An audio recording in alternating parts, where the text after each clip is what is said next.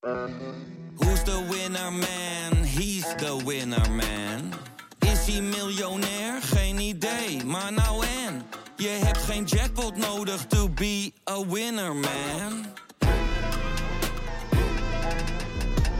Oh oké, dat is wel lekker man. Van het enige varken in Afghanistan tot de spijbelpolitiek van Zweedse kinderen. De wereld, het boek dat wij samen met de Speld hebben gemaakt, is nu in de voorverkoop. Het is de meest betrouwbare landengids der landengidsen. Het beste boek dat je nooit mag gebruiken bij je eindexamen. Ga naar grotepodcastlas.nl slash boek, bestel hem en dan heb je hem eind juni in huis. Welcome, eh? Buckle up as today on the Great Podcast Less, we're going to talk about the Great White North, where sorry is the national mantra. It's the land where Shania Twain doesn't impress easily, where Wayne Gretzky never misses a shot, and a snowboarding instructor turned prime minister, yes, Justin Trudeau, governs with style. So fasten your toques, hold your Tim Hortons cup high, because we're all about to become honorary Canadians for the next half hour. Get ready for a delightful ride through the charming, funny, and oh so polite, diverse world of Canada.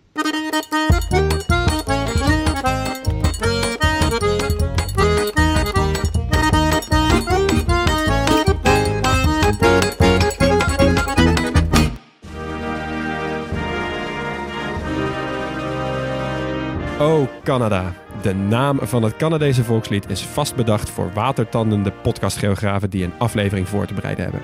Hier volgt een inkoppertje. Welk gevoel je bij de Canadezen hebt, hangt af naar welk deel je kijkt. Gebruik voor het gemak het eten als leidraad. Kreeftenvissers aan de oostkust, walvisvet in het koude noorden, Koreaans of Jamaicaans in de smeltkroes van Toronto, steaks van een halve kilo op de boerderijen van Alberta, zalm in Vancouver, forel in de Rockies. We kunnen nog wel even doorgaan. Maar we hebben nog een hoop bergen, meren, bossen, premiers, taalgebieden, oorspronkelijke volken en legendarische hockeyers te bespreken. Aan het werk dus. Zo.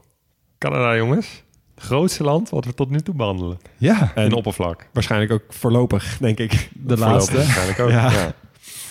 Maar wel echt, ja, van een land, hè. Ik, ben, ik heb nu al warme gevoelens bij deze aflevering. We zijn nog niet eens begonnen. ja. Zijn jullie er geweest? Ik ben er geweest.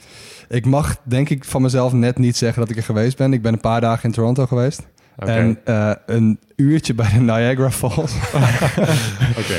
dat was het wel. Dus ja, heb je dan Canada gezien? Mm, denk het niet. Nou, maar heb je, heb ja, je nog altijd meer gezien dan ik? Ja, nou, dat kan Ja. ook. Leon, jij wel dus, hè? Ja, we hebben, ik heb eh, het eh, geluk gehad dat ik tweetalig VWO heb gedaan en dat je dan een uitwisseling had met eh, andere landen. En één daarvan die was Canada.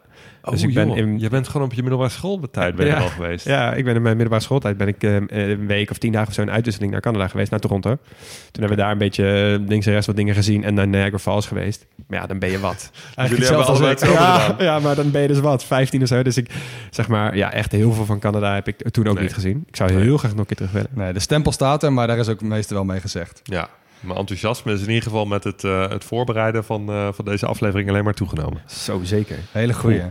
Nou, zullen we dan ook maar snel beginnen met even wat vrienden van de show noemen, jongens. Eh, Ja. Het is weer een heel leger, dus eh daar komt-ie. Reinoud, Thieu, Siem, Rensje Pensje, Guus, Tessa Ruis, Milan van der Vleuten, Nelleke Fixen en Sabine. En Huub Veil, Rogier de Vries, Pauline Dubbeldam, Kirsten de Boer, Amir, Edward, Henk Joris, Nick Harshagen en Frank van der Harst. En dan ook nog Edo Koch, Sam Tolsma, Berend, Hen Brett, Hester Brukman, Andreas, Joost en Mark den Elzen. Mega bedankt jullie allemaal weer. We zijn nog steeds su- super blij met jullie steun. Ja, en eh, hierdoor kunnen we het allemaal blijven maken. Absoluut. En eh, wat een land om eh, genoemd te worden in de aflevering Canada. Zou je zeggen Nou, wel. hè? Nou, dan is het tijd om, om te gaan beginnen. Want ja, we hebben weer eens heel veel te bespreken. Komt-ie. Ehm, we hebben het over het grootste land van Noord-Amerika. Dat zal niet verbazen. Heeft grofweg twee landsgrenzen met de Verenigde Staten. Dus je hebt het continentale stuk. Heel erg bekend om die hele lange lijn. Dus ook meteen de langste landsgrens ter wereld. Zo'n aflevering Ja, krijgen ja, we. precies. Ja. Eh, die grens is niet overal even logisch. Dus je hebt heel veel van die kleine stukjes eiland of schiereiland... waar dan zo'n grens doorheen loopt... en dan kun je alleen via het andere land naar binnen en zo. Ja, Dus het is een beetje een rommelige, rommelige grens. Ook al heb je dus een hele lange lijn.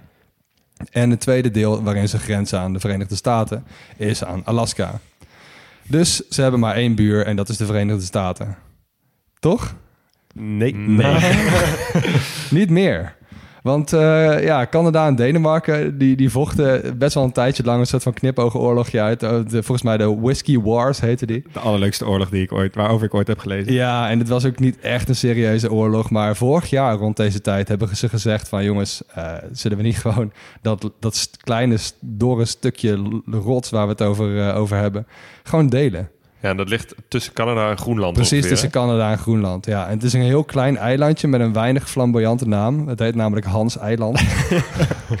en eh, daarvan hebben ze gewoon gezegd van... joh, we g- kunnen het ook gewoon delen. En toen hebben ze allebei gezegd, ja, is goed. Dus Ja, ik eh, vind het vooral leuk hoe ze dat hebben gedaan. Zeg maar, eerst was dan, dan kwamen de Denen en die planten dan de Deense vlag. Toen kwamen de Canadezen en die planten dan een Canadese vlag. En die lieten dan een fles van iets van drank achter, whisky. Ja. En dan kwamen daarna weer die, eh, de andere groep, zeg maar, om en om wisselde steeds van vlag. En lieten ze iets achter voor degene die vervolgens weer de vlag ging eh omwisselen zo. Ja, vandaar dus knipoogenoorlog. Ja, het is gewoon, ja, het is een beetje een grapje. Maar goed, ze hebben dus nu een grens. En eh, het is maar een heel klein grensje. Maar dat heeft wel voor ons podcasters en geografen best wel grote consequenties. Want eh betekent dat zowel Denemarken als Canada niet langer één buur hebben? Hey. Hey. Ja. Het is de op twee na kortste grens van de wereld. Ietsje langer dan een kilometer. En Europa grenst nu officieel aan Noord-Amerika. Ja. Dus ja, we hebben het wel over iets belangrijks. hier. Ja, zeker. Ja. Dan eh Allert is de noordelijkste permanent bewoonde plaats ter wereld. Dus die moeten we ook nog even voor de ligging. Dan de oppervlakte. Ja, we hebben het hier over een heel groot land. eh, 239 keer Nederland. Zo. En nu vraag ik jou, jullie. Ehm, dat scheelt de oppervlakte van welk land met de nummer 3, China? Ja, nog best wel veel, denk ik. Ik denk nog wel een, eh, een Algerije of zo. Nee, ik denk een... ehm, nee, ik denk... Ja, ik zit ook een beetje in diezelfde hoek. Ik denk een Venezuela. Dat is allebei niet goed, maar het is, het is maar Noorwegen. Oh, Ja. het scheelt maar zo weinig. Ja, oh, dus, eh, Canada als je gaat nu natuurlijk geen- heel goed op Mercator-projecten. Exact. Als je nog Ja. geen idee hebt en dit heel graag wil weten, dan zet even de aflevering op pauze en Google even Mercator-projectie. Kunnen wij door met het aantal inwoners. Kleine 40 miljoen. Eh, daarmee dus ook een van de dunst bevolkte landen. Eh, hoofdstad is Ottawa of Ottawa. ik denk, onze uitspraak gaat ergens in het midden van deze dingen zitten, denk ik. Ottawa. Geldt ook voor de grootste stad, Toronto. Toronto. Precies. Eh, of Montreal, of Vancouver, of Calgary, of Quebec zijn allemaal grote steden. Nou, waar wonen die nou? Eh Het is heel simpel in Canada. Eh, over het algemeen, als je van oost naar west gaat, wordt het steeds bergachtiger. En als je van zuid naar noord gaat, wordt het steeds kouder. Dus iedereen woont in het zuiden of zuidoosten. Daar wonen de meeste mensen. Nou, je zou zeggen dat Canada ten noorden van de VS ligt.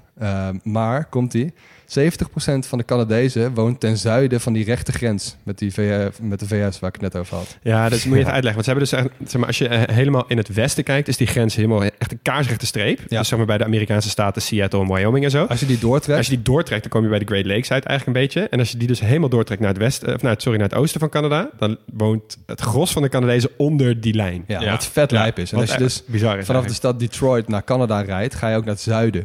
Dus het is Ja. een iets raardere grens dan dat de meeste Ja. mensen denken. Eh, ten noorden van het zuidelijkste puntje Canada wonen meer Amerikanen dan Canadezen. Wow, Wow, oké. Ja, en zelfs een klein stukje Californië ligt zelfs noordelijker dan Canada's zuidelijkste puntje. Dus Oh, dat nogmaals, zou je ook niet zeggen. is niet Ja. zo makkelijk. Ja, dan duikt Canada in het oosten dus best wel ver naar het zuiden. Exact. Ja. Nou, de valuta is de Canadese dollar. Ehm, religie is super divers. Eh, het is, de helft is christen. Eh, best wel een groot deel, een derde ongeveer, is niet religieus. En dan komt in de volgorde eh, islam, hindoeïsme, sikhisme, boeddhisme en het jodendom. Die zijn allemaal best wel goed te- vertegenwoordigd. Ze zijn officieel tweetalig. Engels en Frans, weten veel mensen wel. Dat delen ze met één ander land dat we al een keer behandeld hebben, namelijk Cameroen. Oh. Eh, de achternamen zijn Smith, Brown, Tremblay, Martin en Roy. Ja, Martin. Martin. ja. Eh, en de vlag natuurlijk is een verticale driekleur. Eh, je hebt een kwart rood, dan heb je een helft wit, dan heb je een kwart rood. Met natuurlijk de maple leaf in het midden. Dus het blad van de esdoorn. Wat vinden we hiervan? Ja, ik vind het heel mooie vet. vlag, iconisch. Ja. Ja, Ja. overal herkenbaar. Prima. Ja, zeker. Ik denk dat vexillologen hier ook wel blij van worden. Denk het ook wel. Simpel, doch doeltreffend. Ja, precies. Duidelijke symboliek. Ehm, niet te veel gekkigheid aan kleuren. Ja, dikke acht. ja zeker. Ja.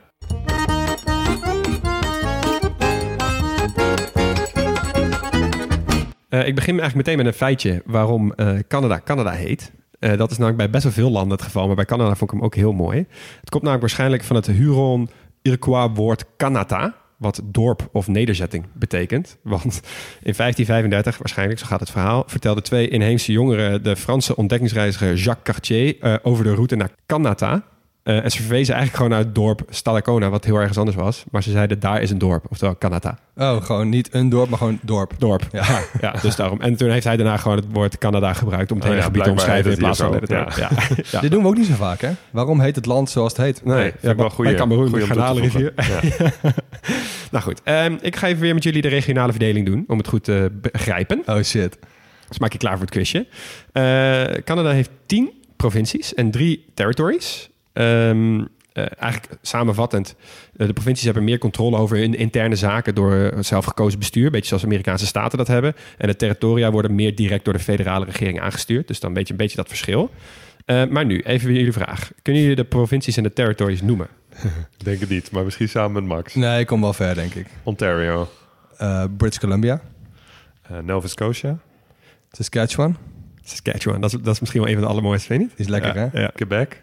Alberta, Oeh, ehm eh, eh, Nunavut, Nun- Nunavut of zo? En dat Ja. is zijn territorium. Ja. Nunavut. ja. Yukon is ook een territorium. Ja. Ehm, Nou, zou ik jullie de rest anders geven? Max, jij zit er nog, denk ik, ja, jij kan er ja, wel ik zit er aardig noemen. in. Denk Prince Edward Island heb je die hele kleine. Ja. Eh, hadden we. Nova Scotia al? Eh, ja, Die heb ik genoemd. Ja, Oké, nou ja, goed. Eh, Labrador en Newfoundland. ja, inderdaad. goed. En dan heb je nog die Northwest Territories. toch? Klopt, die ken je nog van Risk, of niet? Ja, zeker. En dan heb je nog Manitoba Oh ja. en New Brunswick. Nou, lekker. Oh ja. Ja, dus eigenlijk grofweg kun je Canada eigenlijk in vijf grote regio's opdelen.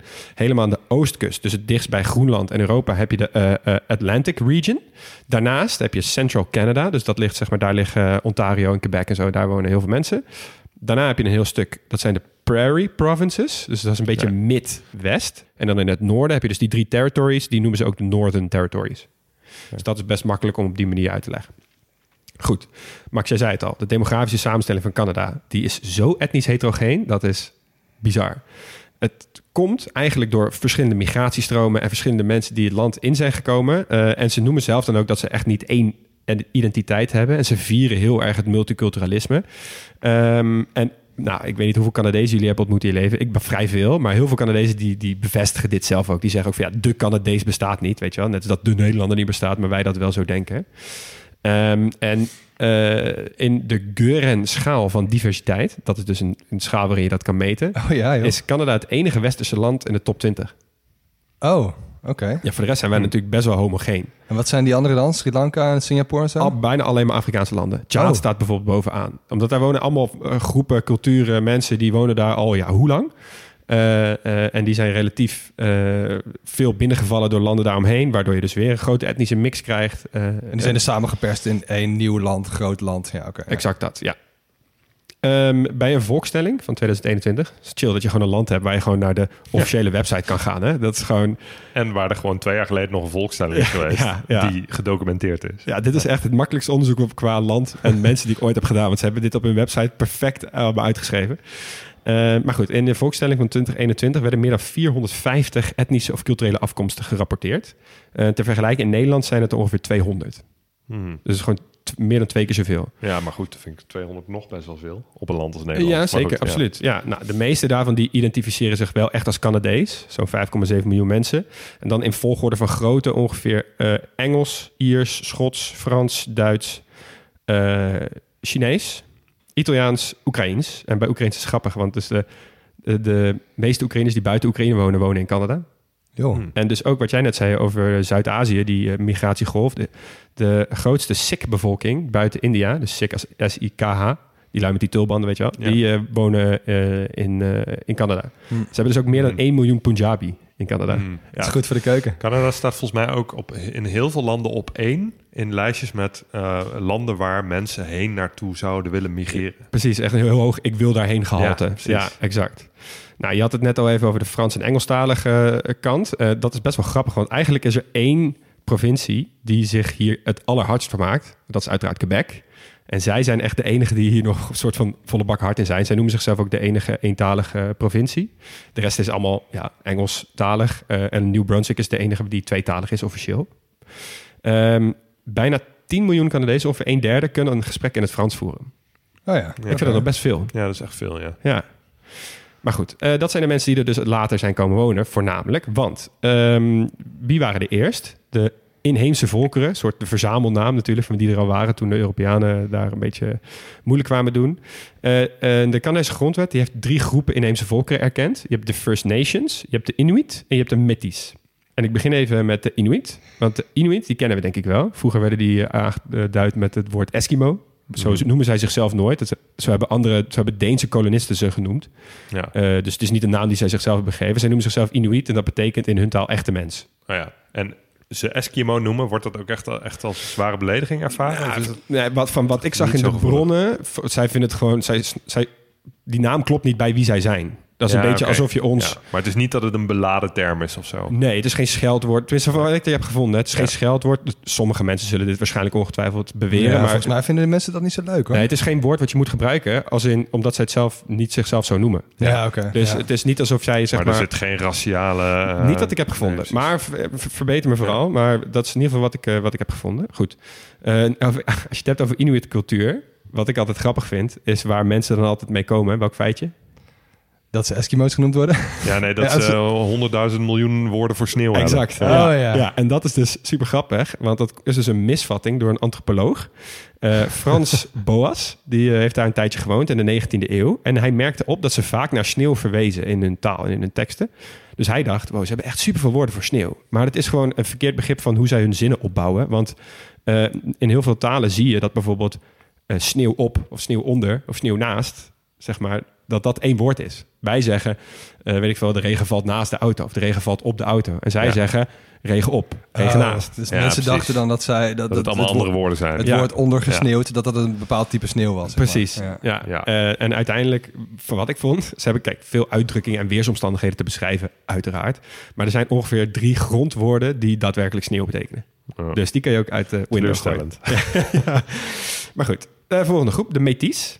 Dat is weer een heel andere groep, want die zijn eh, gemengd inheems en Europese afkomst. En het, is, eh, het komt van het Franse woord van mestiz. Oh, Dus het is gewoon de Franse, de Canadese métis, zeg maar. Die, natuurlijk, die komen heel vaak voor in Zuid, de voornamelijk Latijns-Amerikaanse landen. Eh, en die komen heel erg dus terug in die prairie-provincies van Canada. Dus wat meer in het, in het Midwesten, zeg maar. Ja. Het is eigenlijk, zoals ze zichzelf omschrijven en zoals de Canadese website hen omschrijft, een mix tussen de Franse handelaren van het gebied en de inheemse bevolking. En daar zijn ze ook heel trots op, want hun vlag, die is best wel vet. Dat is een blauwe vlag eh, met een horizontaal cijfer 8, oftewel het oneindigheidssymbool. Oh ja. Hmm. En zij zeggen dat vertegenwoordigt het samenkomen van twee verschillende en levendige culturen. Dus die van de Europese en van die Noord-Amerikaanse. Om een duidelijke nieuwe cultuur voor te brengen. Zo, een beetje Ja, mooi. symboliek is er niet Ja. vreemd dan. eh. Nee. En mooi is ook als je het zo kan zien. Ja, ja vind ik dus ook vet. Ja, en tenslotte heb je nog de, de First Nations. En dat is eigenlijk een soort verzamelterm voor alle inheemse volkeren in Canada die dus niet Inuit of Métis zijn. Eh, en die, eh, die hebben ook allemaal eh, verschillende groepen nog wonen in bijvoorbeeld de Verenigde Staten. Die hebben heel veel reservaten. Die wonen ook gewoon in heel veel eigen regels en eigen wetten. En eh, totaal andere cultuur en taal en geschiedenis natuurlijk. Ehm, maar de First Nations vind ik dus altijd best wel lastig. Want er zijn dus meer dan 600 First Nations gemeenschappen. Dus het, het, zijn dus, het is zo insane divers, die groep. Dat alleen al zorgt ervoor dat het natuurlijk een super multicultureel eh, cultureel land is. Ja. ja, dus hebben ze gewoon op één hoop gegooid van die waren er al voordat de Europeanen kwamen. Ja, ongeveer wel, ja. ja. Dus ook wat wij nu als Indianen zouden betitelen, die, die vallen daar ook allemaal onder. Exact, ja. Ja. Nou, ik ben blij dat jij al een klein geschiedenislesje gegeven hebt van wat voor mensen er allemaal wonen van oudsher. Dan hoef ik dat niet meer te doen. Bij de geschiedenis, want die begint natuurlijk wel lang geleden. Eh, iets van 20 tot 25.000 jaar geleden ongeveer. Toen kwamen dus die mensen binnenlopen vanuit de landbrug die tussen Rusland en Alaska toen lag. Dus je zou wel kunnen zeggen dat de oudste beschavingen van de Amerika's ook hier leven. Ja, Ja, dit was nou ja. eenmaal het gebied waar ze als eerste komt, ja. Nou, helemaal aan de andere kant kreeg Canada ook bezoek. Wel ietsje later, eh, in het jaar 1000 ongeveer, 500 jaar voor Columbus, eh, waren het al de IJslandse vikingen, aangevoerd door, daar hebben we hem, Leif Erikson, de zoon van Rode Erik. Eh, die kwamen daarheen ehm, en die noemden hun ontdekkingen Markland, dus houtland betekent dat, of eh Vinland. Hoewel het niet helemaal duidelijk was welk gebied dat nou precies geweest is. Maar Vinland eh, vertaalt zich ook het best als wijnland. Want ze zagen druiven. Het moest wel wijn zijn. maar het waren waarschijnlijk gewoon de Noord-Amerikaanse cranberries. Ah, oké. Zij bouwden er wel een nederzetting. Eh, ze noemen dat eh, in een hele verwarrende eh, term Lance o Meadows. Dus tweetalig. maar er kwam geen kolonisatie op gang. En dat, die kwam er wel tijdens het tijdperk van de grote ontdekkingen. Toch een beetje een Goeie naam. moeilijke vertaling van The Age of Discovery in het Engels. Ja.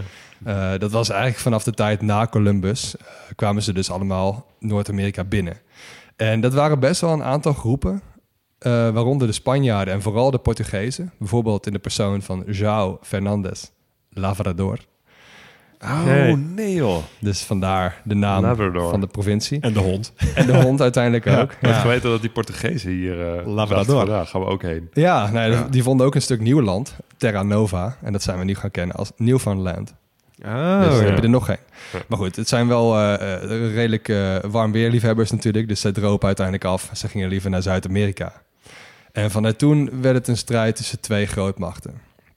De Britten die voeren vooral noordwaarts langs de kust...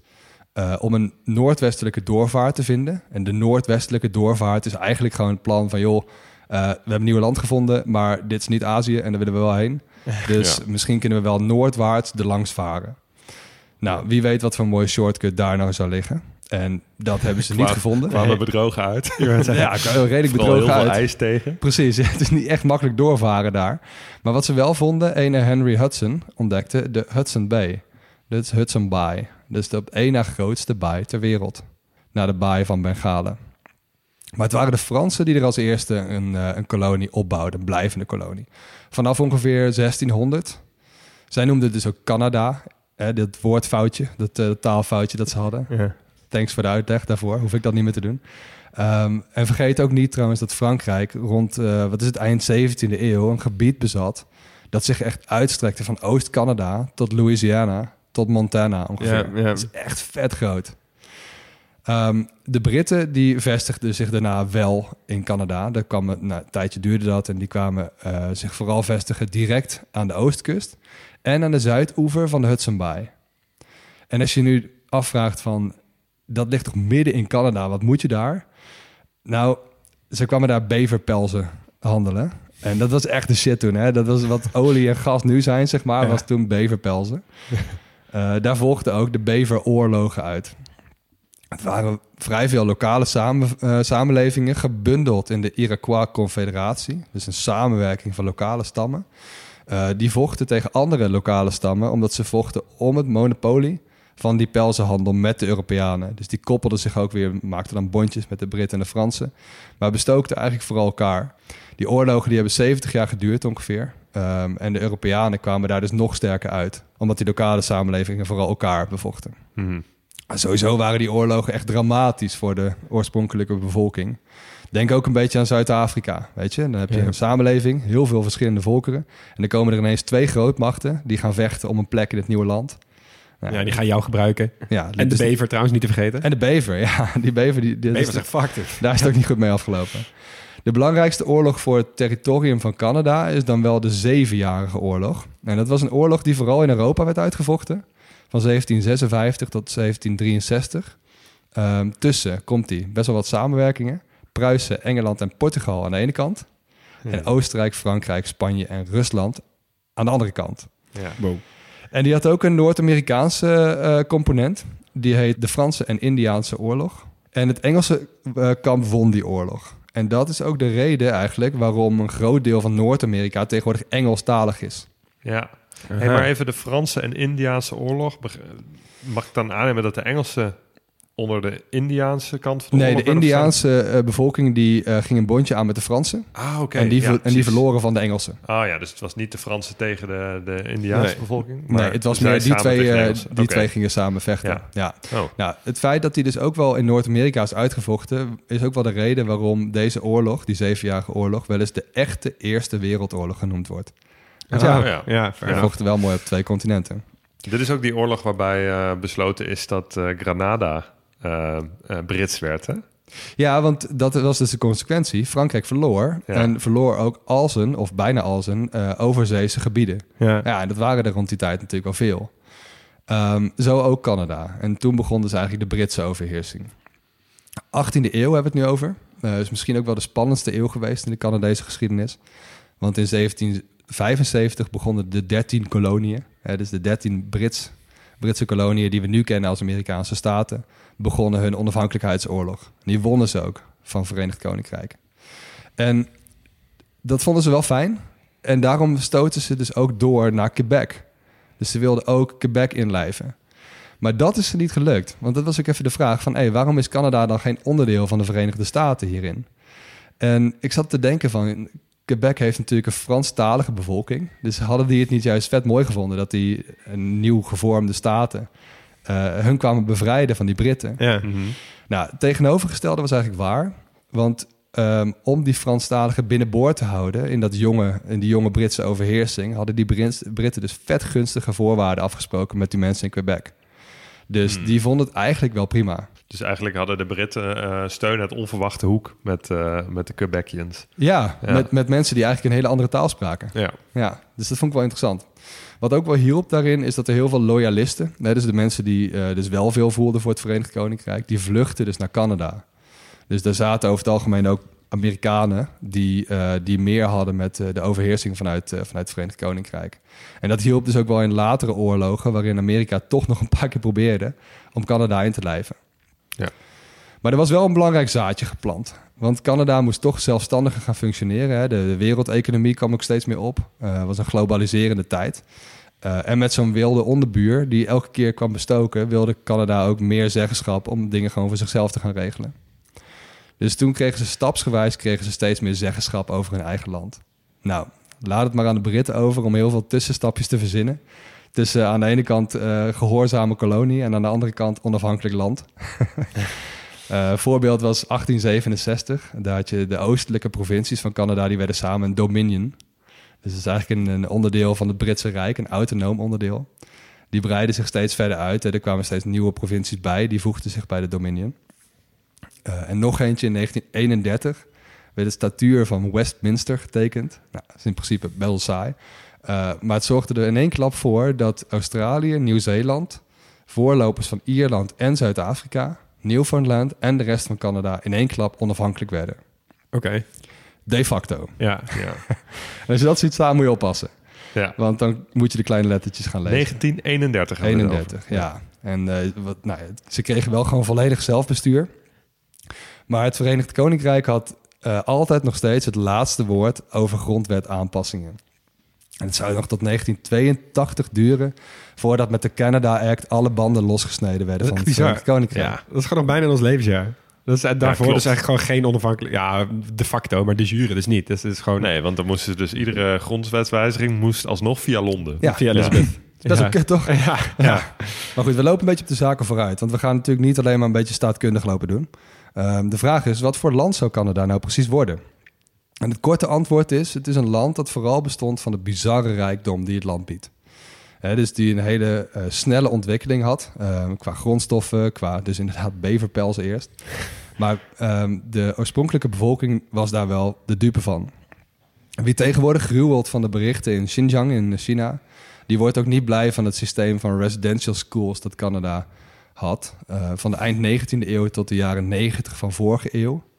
Eh, dat waren eigenlijk een soort heropvoedingskampen om kinderen van lokale bevolking te isoleren en uiteindelijk ook te laten assimileren in de Canadese cultuur. Ja. Ik noem even Oké. wat cijfers. 150.000 kinderen hebben erin gezeten.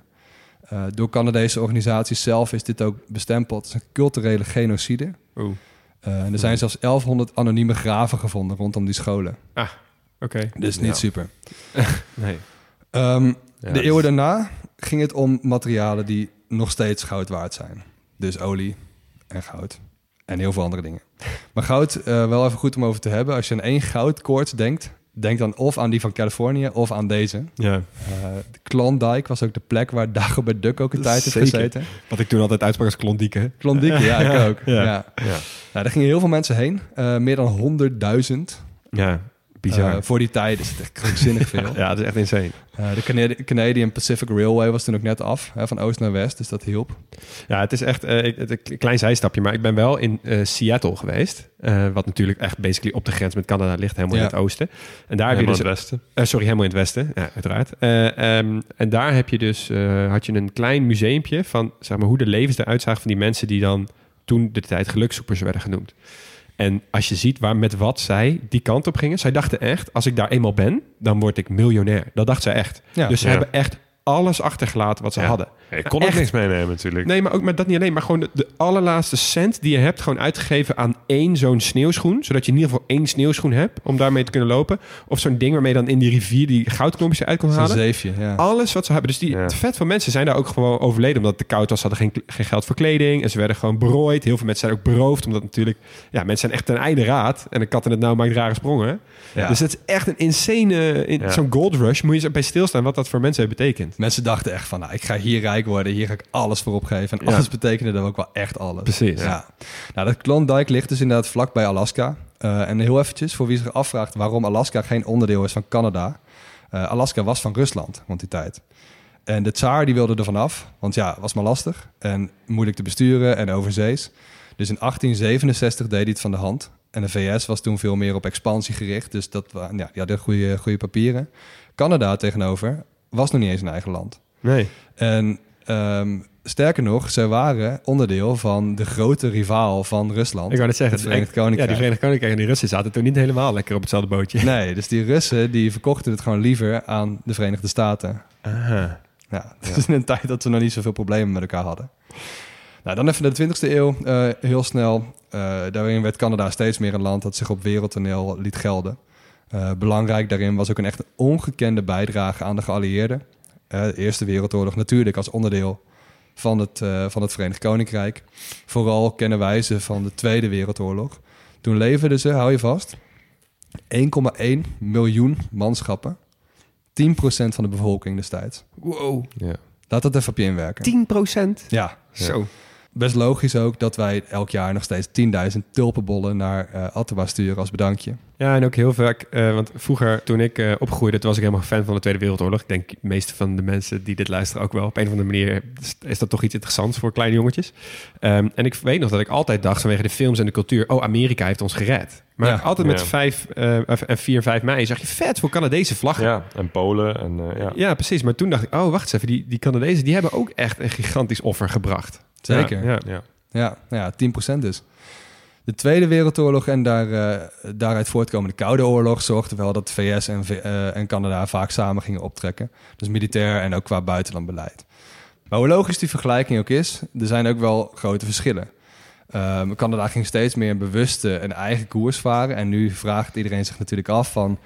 hoe erg is Canada nou een ander land dan de Verenigde Staten? Het mooie is dat wij een hele goede vriendin, Kirsten, hebben kunnen vragen. Zij is Canadees, komt uit Calgary. Hebben kunnen vragen wat nou precies het verschil is tussen die twee. As a Canadian, I'm often asked what the difference between Americans and Canadians is. The best I- way I can think to describe it is that Canadian culture is a bit like having a French mother, a British father, but being raised by your older brother, the United States. We have the principles and policies you'd see in Europe, like universal healthcare and high quality education, like our parents. But culturally, we sound like and enjoy most of the same cultural things as our older brother, the United States, like movies and music. Nou, wat wel grappig eh, eh, dat Kirsten dat zegt ook over die welvaartsstaat. En die andere koers die ze zijn gaan varen, dat is eigenlijk een beetje ontstaan in een periode eh, onder een president wiens achternaam we vrij goed kennen. Ik heb het namelijk over Joseph Philip Pierre Yves Elliott Trudeau. Ehm, niet de huidige Trudeau, maar zijn vader. Die was van eh, 1968 tot 1984 minister-president van Canada. En onder zijn leiding eh, voerden ze een veel linkser beleid dan de Verenigde Staten. En gingen ze zich er ook een beetje van af, afkeren. Trudeau was bijvoorbeeld ook openlijk sympathisant van Fidel Castro van Cuba. Dus dat zegt wel even iets over hoe die ideologisch verschilde van bijvoorbeeld de Verenigde Staten onder Ronald Reagan. Ja, dat is Ja. precies zo'n periode waarin de Amerikanen met een dikke middelvinger over de hele wereld trokken. En de Canadezen eigenlijk gewoon met twee uitgestrekte armen om iedereen te knuffelen. Ja, Ja, ik, ik, precies. ik zag ook in 1971 hebben zij multiculturalisme laten verankeren in de grondwet. Zeg Ja. maar dat soort Ja. dingen. Dat Ja. vind ik ook wel mooi. Internationaal raakten ze economisch wel een beetje achterop in die periode. Want ehm, de neoliberalistische buren die deden het wel beter qua, qua economische groei en zo. En binnenlands waren er ook best wel wat problemen in Canada. Eh, in Quebec namelijk werd de onafhankelijkheidsbeweging steeds sterker en ook steeds gewelddadiger. Met bomaanslagen zelfs, en ontvoeringen van politici. Ehm, in 1980 is er een, eh, een referendum gehouden eh, onder Quebecians over onafhankelijkheid. Maar ehm, dat hebben ze afgewezen. Dus toen is de angel er wel een beetje uitgehaald. Ehm, Quebec heeft sindsdien ook nog weer veel meer autonomie gekregen en allemaal privileges. Die hadden ze dus al, maar die kregen ze nog weer mee. Dat leidt weer heel vaak tot verontwaardiging in de rest van Canada over waarom die Quebecians nou zo, zo bijzonder worden, Ja, spelen hun hand wel goed. behandeld. Ja, die spelen het heel goed. Nou, dit is grappig. Hier kan je echt een parallel trekken met hoe Frankrijk de wereld nog steeds zeg maar, eh, beïnvloedt. Met dat alles bij de Verenigde Naties in het Engels en het Frans moet. Hetzelfde met de Ja. Quebecians. Want Ja. elke merk en elk taal en elk ding wat in Canada nationaal wordt, ge- wordt uitgevoerd, moet Ja. ook in het Frans worden gedaan. Ook zelfs Ja. helemaal in het Westen, waar helemaal geen één eh, Frans sprekende persoon Ja, woont, bij wijze van klopt. spreken. Ja, en ehm, eh, ze vinden het nog niet helemaal oké. want eh, bijvoorbeeld in 1995 eh, was er een tweede referendum over voor onafhankelijkheid. En dat werd toen ook afgewezen, maar wel maar heel nipt. Oh. En eens in de zoveel tijd speelt dit weer op. Dus dat, dat borrelt echt nog wel. nou, dan maken we even een sprongetje naar 2015. Want toen was het de beurt aan Justin Pierre James Trudeau. ehm, de zoon van dus. Hij was toen 43 jaar. Eh, dus echt heel jong. En hij maakte een einde aan een, eh, een wat conservatievere neoliberalistische periode. En hij voert net als zijn vader echt een links-progressief beleid. Hij oogst daar ook veel, eh, veel lof mee in binnen- en buitenland. Ehm, maakt zich hard voor emancipatie bijvoorbeeld. Hij noemt zichzelf ook een feminist. Stelt een regering aan met evenveel vrouwen als mannen. Ja. Zet zich veel in voor, voor de LHBTIQ-gemeenschap. Voorstander van legaliseren van abortus. Heeft cannabis gelegaliseerd. ehm, zet zich in tegen klimaatverandering. Dus echt de klassieke links-progressieve thema's. Ja, ik vind het dus altijd bij hem, denk ik altijd, als je vader hebt die al premier is geweest, in hoeverre hij dan zeg maar vanaf eh, de geboorte al is klaargestoomd voor de positie waar hij nu in zit. Ja, helemaal niet zo. Want het is, het is, het is echt niet een dynastie te noemen. Hij, hij zat, was eigenlijk best wel op de achtergrond. Hij was ook leraar. Dus het was helemaal niet dat hij, dat hij al heel vroeg aan het voorsorteren was op deze functie. Ja, maar misschien zijn vader wel. Want ik, ik moet er meteen denken, maar jij zei zijn hele namen. Daar zit bijvoorbeeld James in, maar ook Pierre. Ja, dus zeg maar, goed. in zijn Ja. naam zit bij wijze van spreken al verankerd. Oh ja, Ja. kijk, ik ga de Ja, Frans ja, en de wordt het Engelstalige later. samenbrengen in mijn naam alleen al. Het is ook gewoon een democratie, dus je moet ook maar eens gekozen worden, toch? Zeker, Ja. absoluut. Maar ja, het helpt wel als je connecties hebt. Ja, nee, dat is waar. Ehm, Trudeau is trouwens eh, dus minister-president, want Canada is, hoewel het sinds 1982 echt helemaal onafhankelijk is van, eh, van het Verenigd Koninkrijk, nog wel een monarchie. Met dus eh, eh, King Charles als, als hoofd. En ehm, die is daarmee de enige persoon in Canada met een adellijke titel. In Canada is geen adel. Dus, Nee. dus de koning is de enige die dat heeft. Nou, als we het over hedendaagse Canadese politiek hebben, dan moeten we het met onze Europese bril ook nog even hebben over CETA. Oh ja. Ehm, het Comprehensive Economic and Trade Agreement. Ja, Ik dus denk niet de dat, zangeres eh, Sita. nee, nee. CETA, C-E-T-A. En ik denk dat, eh, dat Xi Jinping over die, eh, die afkorting wel, eh, wel jaloers zou kunnen zijn... Ja. qua hoe vaag het omschreven is. Het is een vrijhandelsakkoord tussen Canada en de Europese Unie. Er is echt jaren over onderhandeld... en uiteindelijk is het in 2016 ondertekend. En met het verdrag zijn 99% van de handelsbarrières... tussen Canada en de EU opgeheven. Dus ja, het, het gooit eigenlijk alle grenzen over voor, voor wederzijdse handel. ja. Mooi nieuws zou je zeggen, maar er is wel een keerzijde. Ehm, in, de Europe- in de Europese Unie en in Nederland hebben we bijvoorbeeld eh, strenge regels voor de manier waarop je dingen mag produceren. In Canada gelden andere regels die vaak minder streng zijn en bijvoorbeeld schadelijker voor mensen en milieu. En door die handelsbarrières op te heffen, mogen we dus Canadese producten invoeren die niet voldoen aan onze eigen regels. Sterker nog, we mogen het niet alleen, we moeten het. ja. In CETA is namelijk een beding opgenomen dat overheden zo'n product niet mogen verbieden. Dus als Nederland zegt, ehm, eh, joh, hallo producent, eh, jullie testen dit op dieren en dat willen we niet, dus we verbieden het in Nederland, dan mag die producent de Nederlandse overheid voor de rechter slepen. En dan krijgt de overheid een boete. Ehm, en dat geldt niet alleen voor Canadese bedrijven, maar ook voor Amerikaanse bedrijven met een vestiging in Canada. En dat is dus ongeveer ieder Amerikaans ja, bedrijf. ja, ja. Dus dat is heel tricky. Ehm, we mogen dus als Europese Unie of als Nederland niet meer zelf beslissen welke producten we toelaten op onze markt. Nou, dat heeft tot best wel veel protest geleid. Ehm, dat protest was nog iets heftiger bij het Amerikaanse broertje van CETA. Weet jullie nog wel? TTIP? TTIP, Oh ja, zo. Ehm, want Canada wordt in Europa toch altijd gezien als het brave, Europees georiënteerde broertje van Amerika. Ehm, en uiteindelijk is TTIP ook de nek omgedraaid door Donald Trump.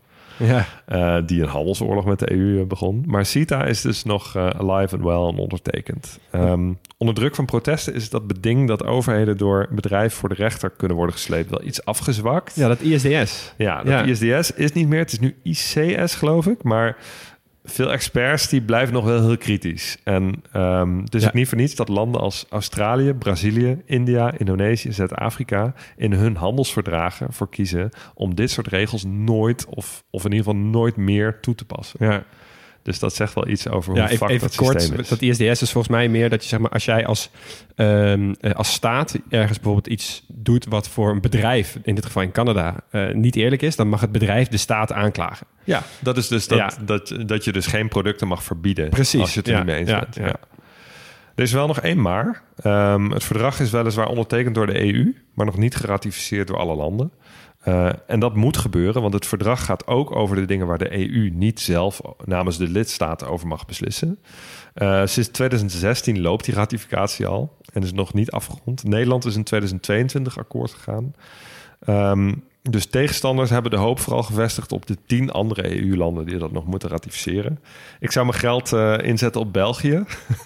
Want daar moet het afzonderlijk worden goedgekeurd door eh, de regio Vlaanderen, de Vlaamse gemeenschap, de regio Wallonië, de, Wa- de Waalse gemeenschap, ehm, het federale parlement en de gemeenschappelijke gemeenschapscommissie. Nou, eh, volgens mij twee van de vijf zijn zover, maar de rest, of twee van de zes zijn zover. Maar eh, de rest van België kan België kennende nog wel een paar jaar gaan duren. Nice. Wie had gedacht dat de tegenstanders van zoiets gewoon gered zouden worden door de Belgische bureaucratie? Ja, precies.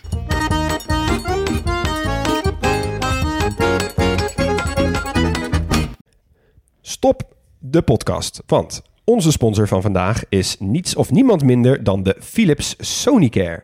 Jazeker, de elektrische tandenborstel van Philips. Maar wel eentje die er poetst en ook zo uitziet. Want eh, de borstels van deze Philips Sonicare zijn ovaal en langwerpig en die bewegen heen en weer net als bij een normale tandenborstel. Oh, dat is chill, want Max, jij poetst nog altijd analoog, toch? Ja, Of ik had- ik had daar, voordat eh, je deze kreeg. Ja, ik had daar één pk voor nodig inderdaad. ja. Ja, Dat deed ik altijd zelf. Ja, dus wij kregen er eentje. En eh, ik dacht, nou, ook om jullie te vermaken, maar ook om mezelf. ehm, ik ben even de geografische geschiedenis van de tandenborstel ingedoken. Dus, Dit was een mooi onderzoek zeker. heerlijk. Waar denken jullie dat de eerste tandenborstel, of in ieder geval tandenpoetssituatie, ontdekt is? Ja, we kunnen niet, het kan niet anders dan dat we dit al heel lang doen. Echt sinds de oudste beschavingen. Ja, nou, Ja. je zit ongeveer juist. Want ehm, wat ik vond is dat Babylonische koustokjes de vroegste vorm Oh. van mondsverzorgingsdingen zijn. Oh, dat is ook nog wel ouder dan ik had verwacht. Ja, dus 3500 voor Christus. Ehm, eh, eeuwen later ontwikkelden de Chinezen tijdens de Tang-dynastie de eerste tandenborstel met echt borstelharen. Eh, en die innovatie die heeft Europa bereikt via de zijderoute, dus de klassieke variant, en werd uiteindelijk in Frankrijk gespot rond het jaar 1560.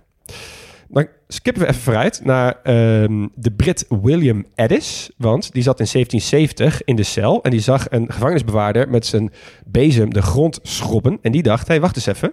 Dit kan je ook met je mond doen. Dus eh, hij heeft toen een eh, borstel gemaakt door varkensharen aan een bot te bevestigen.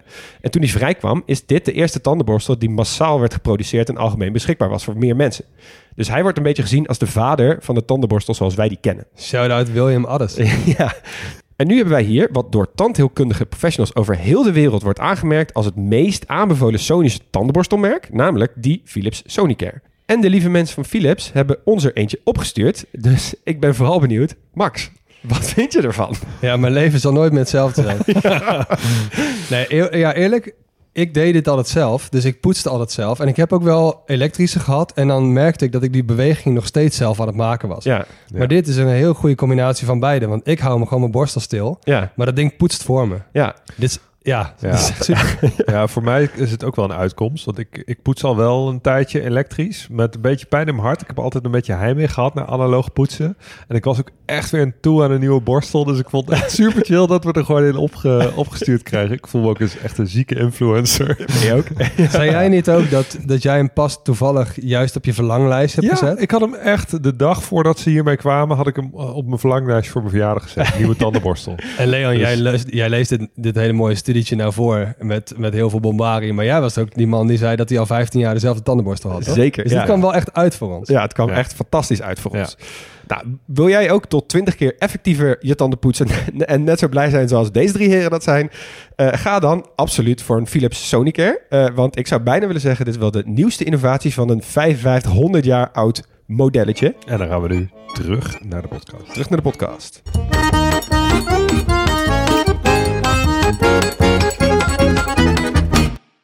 Stop de podcast. Je vakantiegeld komt eraan, dus het is tijd om jouw reis te boeken. En onze sponsor van vandaag heeft een dikke kortingscode. En die sponsor van vandaag is Sawadi, niemand minder. Dit is een reisorganisatie en vakanties zijn natuurlijk duur, dus dit aanbod is extra interessant deze tijd. Ik vind dat altijd een mooie organisatie, Sawadi. Ja, ja ik ook wel. En Ja. ze bieden verschillende soorten eh, groepsreizen aan. Eh, en vandaag gaan we het even hebben over die ze aanbieden aan de 22 tot 35-jarige backpackers. En dat zijn over het algemeen mensen die wel wat meer willen weten over het land dat ze bezoeken. En dus niet zomaar van A naar B die hotspots aflopen, busje in, busje uit. Ja, en het zijn ook mensen die het vaak leuk vinden in een groep eh, te reizen. En eh, die groepen die blijken ook heel snel vriendengroep te worden. Zowel tijdens de reis als daarna. Eh, mensen komen vaak nog heel, veel, heel vaak met elkaar terug, spreken af om te meeten en zo. En je kunt dus ook echt naar heel veel plekken op de wereld. Populair zijn op dit moment plekken als Zuid-Afrika, Marokko, Jordanië, Colombia, Nepal. Eh, maar bijvoorbeeld ook plekken die normaal gesproken niet altijd makkelijk te bereizen zijn voor, ik zeg maar wat, alleen reizende vrouwen. En dat zijn dan bijvoorbeeld plekken als India. Ja, en ze werken natuurlijk samen met lokale organisaties, niet met de grotere hotelketens. Eh, ze eten bij locals, eh, lopen rond met mensen die heel veel kennis hebben over de lokale gang van zaken. En daar komt de kortingscode om de hoek kijken. Want als je nu een 22 tot 35ers reis boekt, krijg je 100 euro korting met de code TGP100.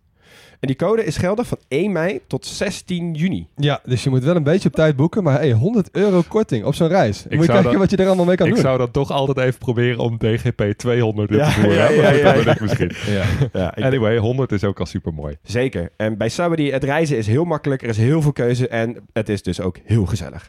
Sawadee, met wie ga jij op reis? Terug naar de podcast.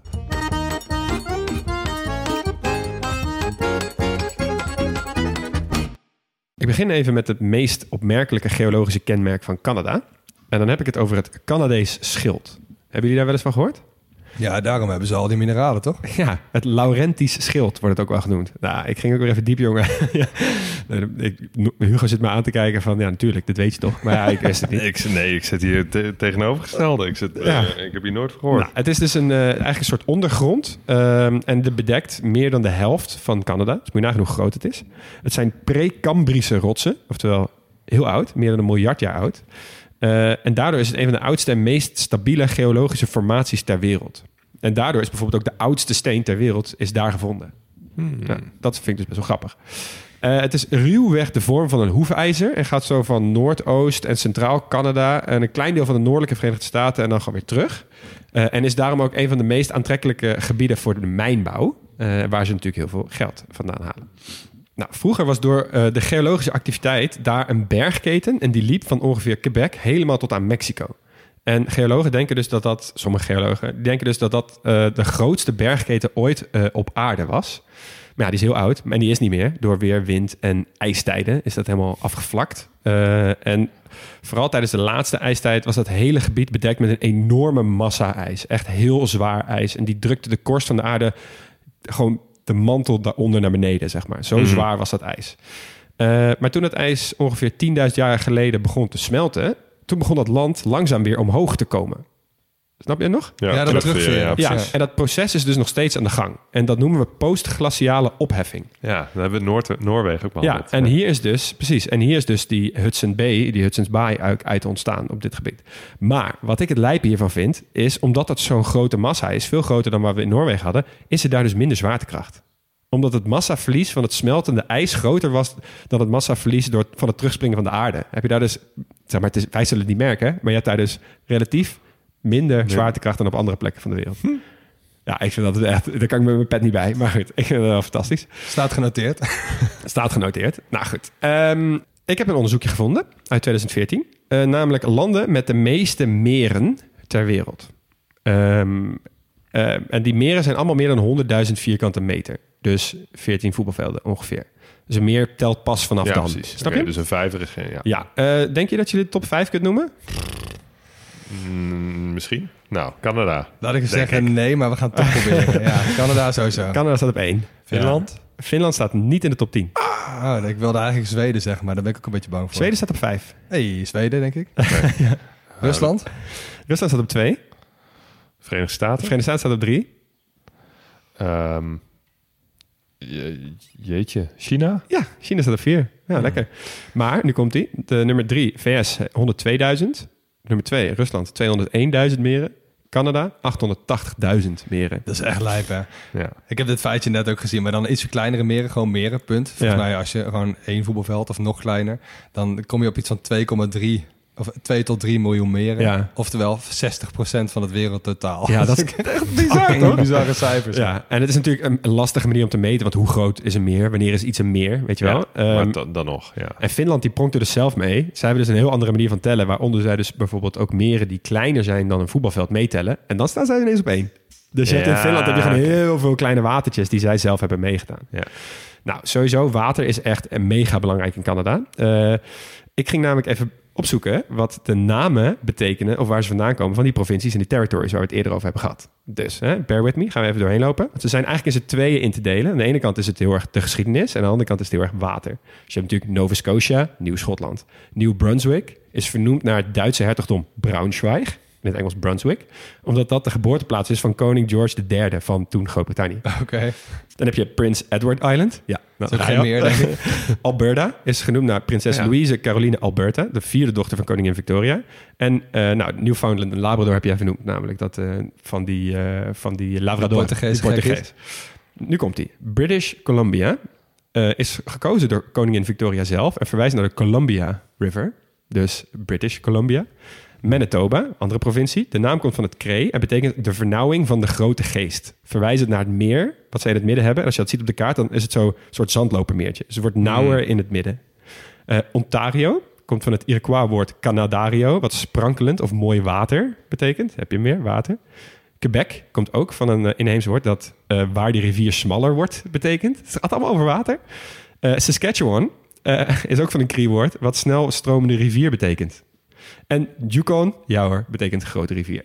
Ik zie een patroon hier, Leon. Alleen maar water. Ja, eh, je hebt natuurlijk allemaal verhalen over leuke watertjes. Ehm, daarvan wil ik eigenlijk even eentje, eh, eentje uitlichten bij jullie. Dat is Iceberg Alley. Heb je daar wel eens van gehoord? Ik kan me er een voorstelling bij maken, maar nee. Ja, dat is dus een deel van de Atlantische Oceaan dat van de, van de Noordpool naar Newfoundland loopt. Het is een soort streep. Eh, en daar komen allemaal ijsbergen doorheen drijven. En die, die hè, in, de, in de lente en de zomer dan brokkelen stukken van de gletsjers af. En die stromen dan zo langs die baai richting de oceaan waar ze steeds meer gaan smelten. Maar Ja. wat gebeurt er als je een grote ijsberg hebt die steeds meer smelt? Die gaat steeds sneller. Want ja, je smelt, je hebt Nou minder, ja, wordt en je wordt lichter en dan ga je Ja. woem. En eh, naar schatting stromen elk jaar tussen de 400 en 800 middelgrote en grote ijsbergen langs Iceberg Alley. En het is dus ook een van deze ijsbergen die in 1912 de Titanic voor de kust van Newfoundland aan het zinken bracht. Ja, ja. Eh, wat grappig is, want doordat, doordat eh, die Titanic toen zonk vanwege een ijsberg, hebben ze toen bedacht, we gaan die ijsbergen monitoren. Omdat we anders geen idee hebben wat hier nog mee kan gebeuren. Hmm. Die komen dus allemaal uit die alley. Die kwamen allemaal uit die alley. Eh, en in 2018 heb je nog, dat is een heel mooie foto, eh, was er een extreem grote ijsberg die zo dicht bij de oevers van een dorp in Newfoundland, namelijk Fairyland, eh, kwam die langs. Maar eh, die ijsberg was te groot. Ja, je weet, ze zeggen het altijd, topje van de ijsberg. De ijsberg onder nog een stuk groter. En er was nog niet te ver gesmolten om door die alley te, kon, te kunnen.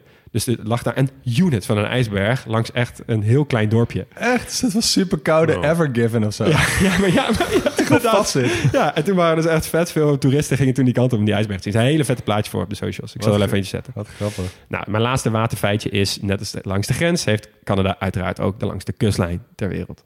200, ongeveer 250.000 kilometer kustlijn. Ja, Ja. maar die eilanden die dus Ja. in het noorden liggen, die zijn ook allemaal pokken groot. Ja. Ja. Ja. Dat telt wel Island en Baffin Ja. Island en zo. Ja, en het is natuurlijk ook de vraag, hoe meet je? Want als je met een liniaal van 5 meter, of een liniaal van 1 meter, of met een liniaal van 5 centimeter kustlijn gaat meten, ja. Ja. Maar goed. Ehm, dan even naar de beestjes. Die moeten we natuurlijk genoemd hebben. In het water heb je natuurlijk de bultruggen, de walvissen, de dolfijnen, de walrussen, zeehonden. Echt superveel verschillende schildpadden. Waarvan ik altijd dacht, ah, die zitten toch voornamelijk in de koude of in de warme wateren. Maar die zitten dus hier ook. Ehm, en eh, in de Hudson Bay heb je eh, ook de beluga. Oh ja. Is een soort walvisachtig, toch? Ja, het is zo'n hele zo'n zo'n witte dolfijn met een hele ja. dikke kop. Ja. Eh, ik vind die altijd wel heel vet. Eh, en ik vond het nog leuker toen ik erachter kwam dat hun bijnaam de zeekanarie is, omdat ze zoveel lawaai maken. dus onder water zijn ze gewoon heet naar elkaar aan het schillen. Ja, dan ga ik al. Chill dat ik dat dan. niet kan horen. ja. We bespreken die- te veel tropische beestjes en te weinig koudwaterbeestjes. Ja, Dat we hebben te weinig maar- koudwater- niet landjes. zoveel- Precies, zijn niet zo heel veel koudwaterlanden. Daarom. moest ik het hier ook... De eh, koudwaterlanden die er zijn, zijn heel groot. Daarom, Dus daar je er Rusland niet en Canada, knip jezelf eens op. Want dan, Ja. kunnen, we, dan kunnen we meer narwhals en zo Ja. bespreken. ja, special voor Groenland voel ik aankomen. Ja. Nou, op het land heb je verder eh, ook wel wat grotere, grotere jagers. Vossen, puma's, wolven, grizzlyberen komen heel erg veel hier voor. Eh, en ijsberen. Eh, sterker nog, ijs- Canada heeft 16.000 van de zo'n 20.000 tot 24.000 ijsberen die er nog over zijn in de wereld. Dus Oh. echt verreweg het grootste aandeel ijsberen eh, woont, ja, tussen aanhalingstekens, in Canada. Ehm, in Churchill, Manitoba, dat is bij Hudson's Bay. Dat is een van de weinige dorpjes daaromheen, want dat is echt legendarisch onbewoonbaar, dat gebied om die baai heen. Het is echt verschrikkelijk land om daar te, daar te wonen. En om een kolonie te stichten. Hallo. Ja, inderdaad. Eh, die noemt zichzelf, eh, dus die, die- dat dorpje, Churchill, noemt zichzelf de Polar Bear Capital of the World. Ehm, en dat is ook wel echt heel erg zo, want je hebt daar dus allemaal tourings en zo. Toeristisch gezien kan je daar echt fantastisch leuke dingen doen. Eh, en wat ik heel leuk vind, of wat ik heel leuk vind, heel bijzonder en kenmerkend, is dat mensen die doen daar hun huis en auto's nooit op slot. Kunnen jullie raden waarom? Ja, Eh, als iemand langskomt en eh, er komt zo'n beest, dan moet je wel kunnen vluchten. Precies. Dus zij doen dat om andere mensen de mogelijkheid te geven om te kunnen vluchten in hun huis. Wow, dat is vet. Ja, Ja, maar weet je wat grappig is? Want eh, je, je- het heeft ook totaal geen zin om naar een auto te jatten. Want Churchill is niet verbonden met de buitenwereld met wegen. Oh, meen Je je? kan er alleen komen met een spoorlijn. Waarom het is gewoon, er is daar? gewoon geen wegverbinding naar de rest van Canada. Ja, je kan natuurlijk wel in Ja, Churchill zelf rijden, naar de winkel en terug en zo. Maar eh, Ja, dus, dus ja, ga je een auto jatten, kom je gewoon niet ver. Nee, ik vind sowieso aan. eh, ik, ik ging even opzoeken wanneer dan de laatste ijsbeeraanval op Churchill was. Want ik dacht, nou, dat is dan wel waarschijnlijk elke zomer. Maar die mensen zijn dus zo super goed eh, in het leven met ijsberen dat dat bijna nooit gebeurt. De laatste serieuze ijsbeeraanval was Halloween twe- eh, 2013. Toen waren er namelijk eh, twee lokale bewoners. Het enige wat er stond was op The Guardian. stond twee lokale bewoners in de vroege ochtenduren werden aangevallen. Nou, die hadden waarschijnlijk een, een klein snuffeltje op. bier naar ze toe gegooid en zo. Ja, Ja, en wat, is dus heel, wat ik dus heel grappig vind, is dat het effect daarvan is dus nog steeds dat Halloween heeft een extra uitdaging, omdat ze dus eh, ouders willen wel hun kinderen de straat op sturen om trick and treat te doen, maar tegelijkertijd moet je dus ook bang zijn dat er in één keer een ijsbeer je kinderen gaat aanvallen. ja, dat is wel Halloween 2.0 hoor. Ja. Nou, dan tenslotte het laatste beestje wat ik even wil noemen is natuurlijk eh, de eland, oftewel de moose. Ja, dat is de- ook een, een teken van Canada, toch? Naast de bever die we genoemd hebben, vind ik de eland misschien wel ook het meest Canadese beest. Eh, ongeveer twee meter van schouder tot hoef hoog. Eh, met een gewicht van 360 tot 730 kilo. ja, eh, echt. Mannetjes kun je natuurlijk meteen herkennen aan dat gigantische gewei. En dat gewei zelf kan dus ook anderhalve meter lang worden. Moet je nagaan wat voor beestje dan voor je neus hebt staan. Ja. ja. Verwar hem ook niet met de rendieren. Nee, zeker niet. Die zijn Eh, kleiner. Die zijn zeker kleiner. Ik vind eh, wat leuk feitje over hen. Eh, voordat ze gaan slapen, maken ze zelf een bedje van bladeren. Dat schrijven ze bij elkaar, zodat ze ergens iets hebben om op te liggen. Ja, dat vind ik altijd leuk. Eh, en hun Engelse naam, moose, komt dus ook van een inheemse taal. Eh, en dat is in het meervoud ook moose, omdat het al meervoud is.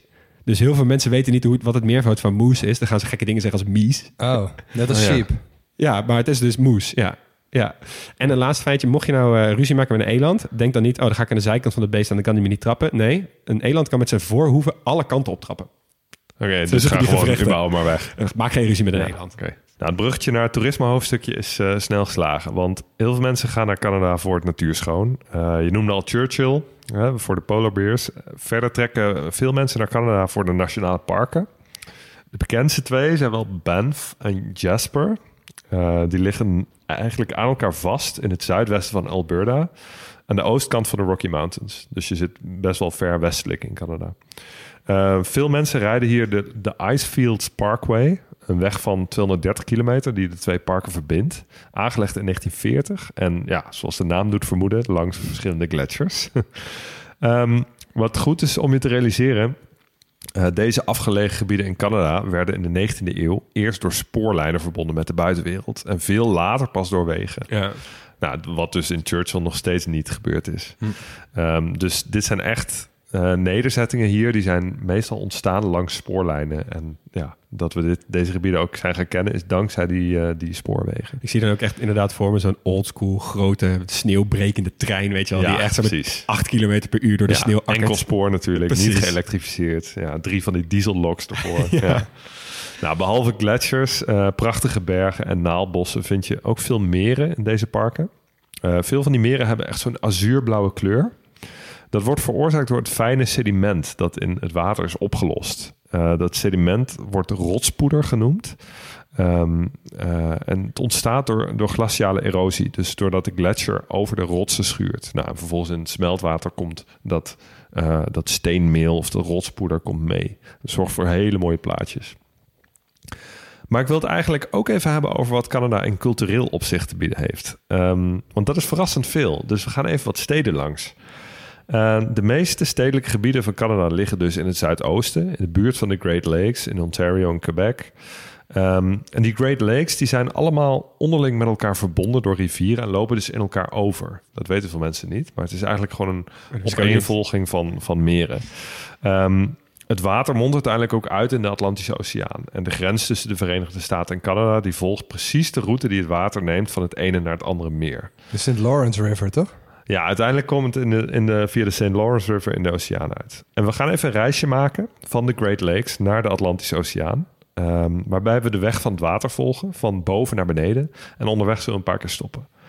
Leuk, Um, leuk. Ik heb hier niet al zin in. Ja. ik doe mijn duikbril op. Het eerste meer, helemaal bovenin, is het Bovenmeer.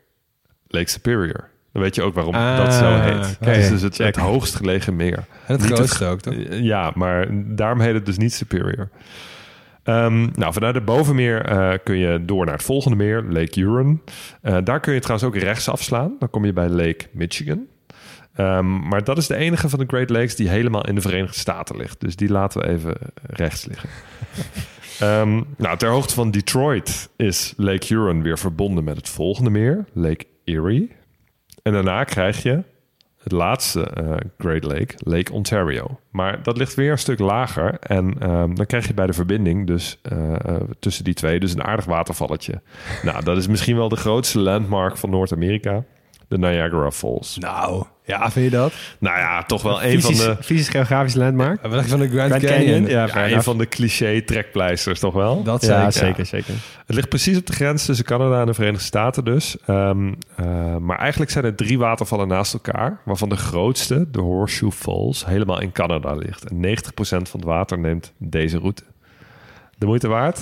Nee. zijn er geweest ja, allebei. Ja, ja, hoog. oké, Ja, wacht, kijk, wacht ja. even. Ja. Ja. het is de moeite waard, eh, maar wel in een soort van ramptoerisme-achtig iets. Ja, het heeft een hoog Taj Mahal effect gehalte. Ja. Namelijk, je kijkt naar die, naar die waterval. Dat is magistraal en Ja. bulderend en heel vet. En dan draai je om en dan wens je er niet doodgevonden Ja. te worden. En Ooit na, dan- na een uur heb je het er ook echt wel gezien, toch? Nou, vijf Ja. minuten. Waterval, ja, ooit was het natuur en nu is het vooral gewoon jaren tachtig casino's. Ja. Ja, maar echt, echt, echt.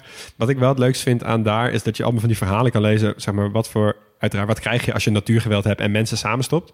Die gaan dan kijken hoe ver ze kunnen gaan. Dus dan heb je allemaal van verhalen van mensen die dan naar beneden zijn gegaan in een, in een kajak, in een boot. Iemand die in, een, in zo'n whiskyvat naar beneden is gegaan en maar moest vasthouden en zo. allemaal van dat kan- soort shit. Ik kan me ook nog wel een South Park aflevering herinneren. Daar ja, weet je, ja. een Ik kan hem, weet je. Het is met afstand het meest interessante in een vet wijde omgeving. want de rest van die natuur is vet saai. Ja. Dus dan snap ik dit Ja, wel. ik Ja, denk. Canada. Qua natuur moet je inderdaad naar het westen van Canada. Maar goed, als het water van die, eh, van die falls is eh, afgedonderd, dan eh, komt het dus in Lake Ontario. En vanaf daar beginnen eigenlijk eh, de, de grootste grootstedelijke gebieden van Canada. En aan Lake Ontario ligt ook eh, de grootste stad van Canada, Toronto.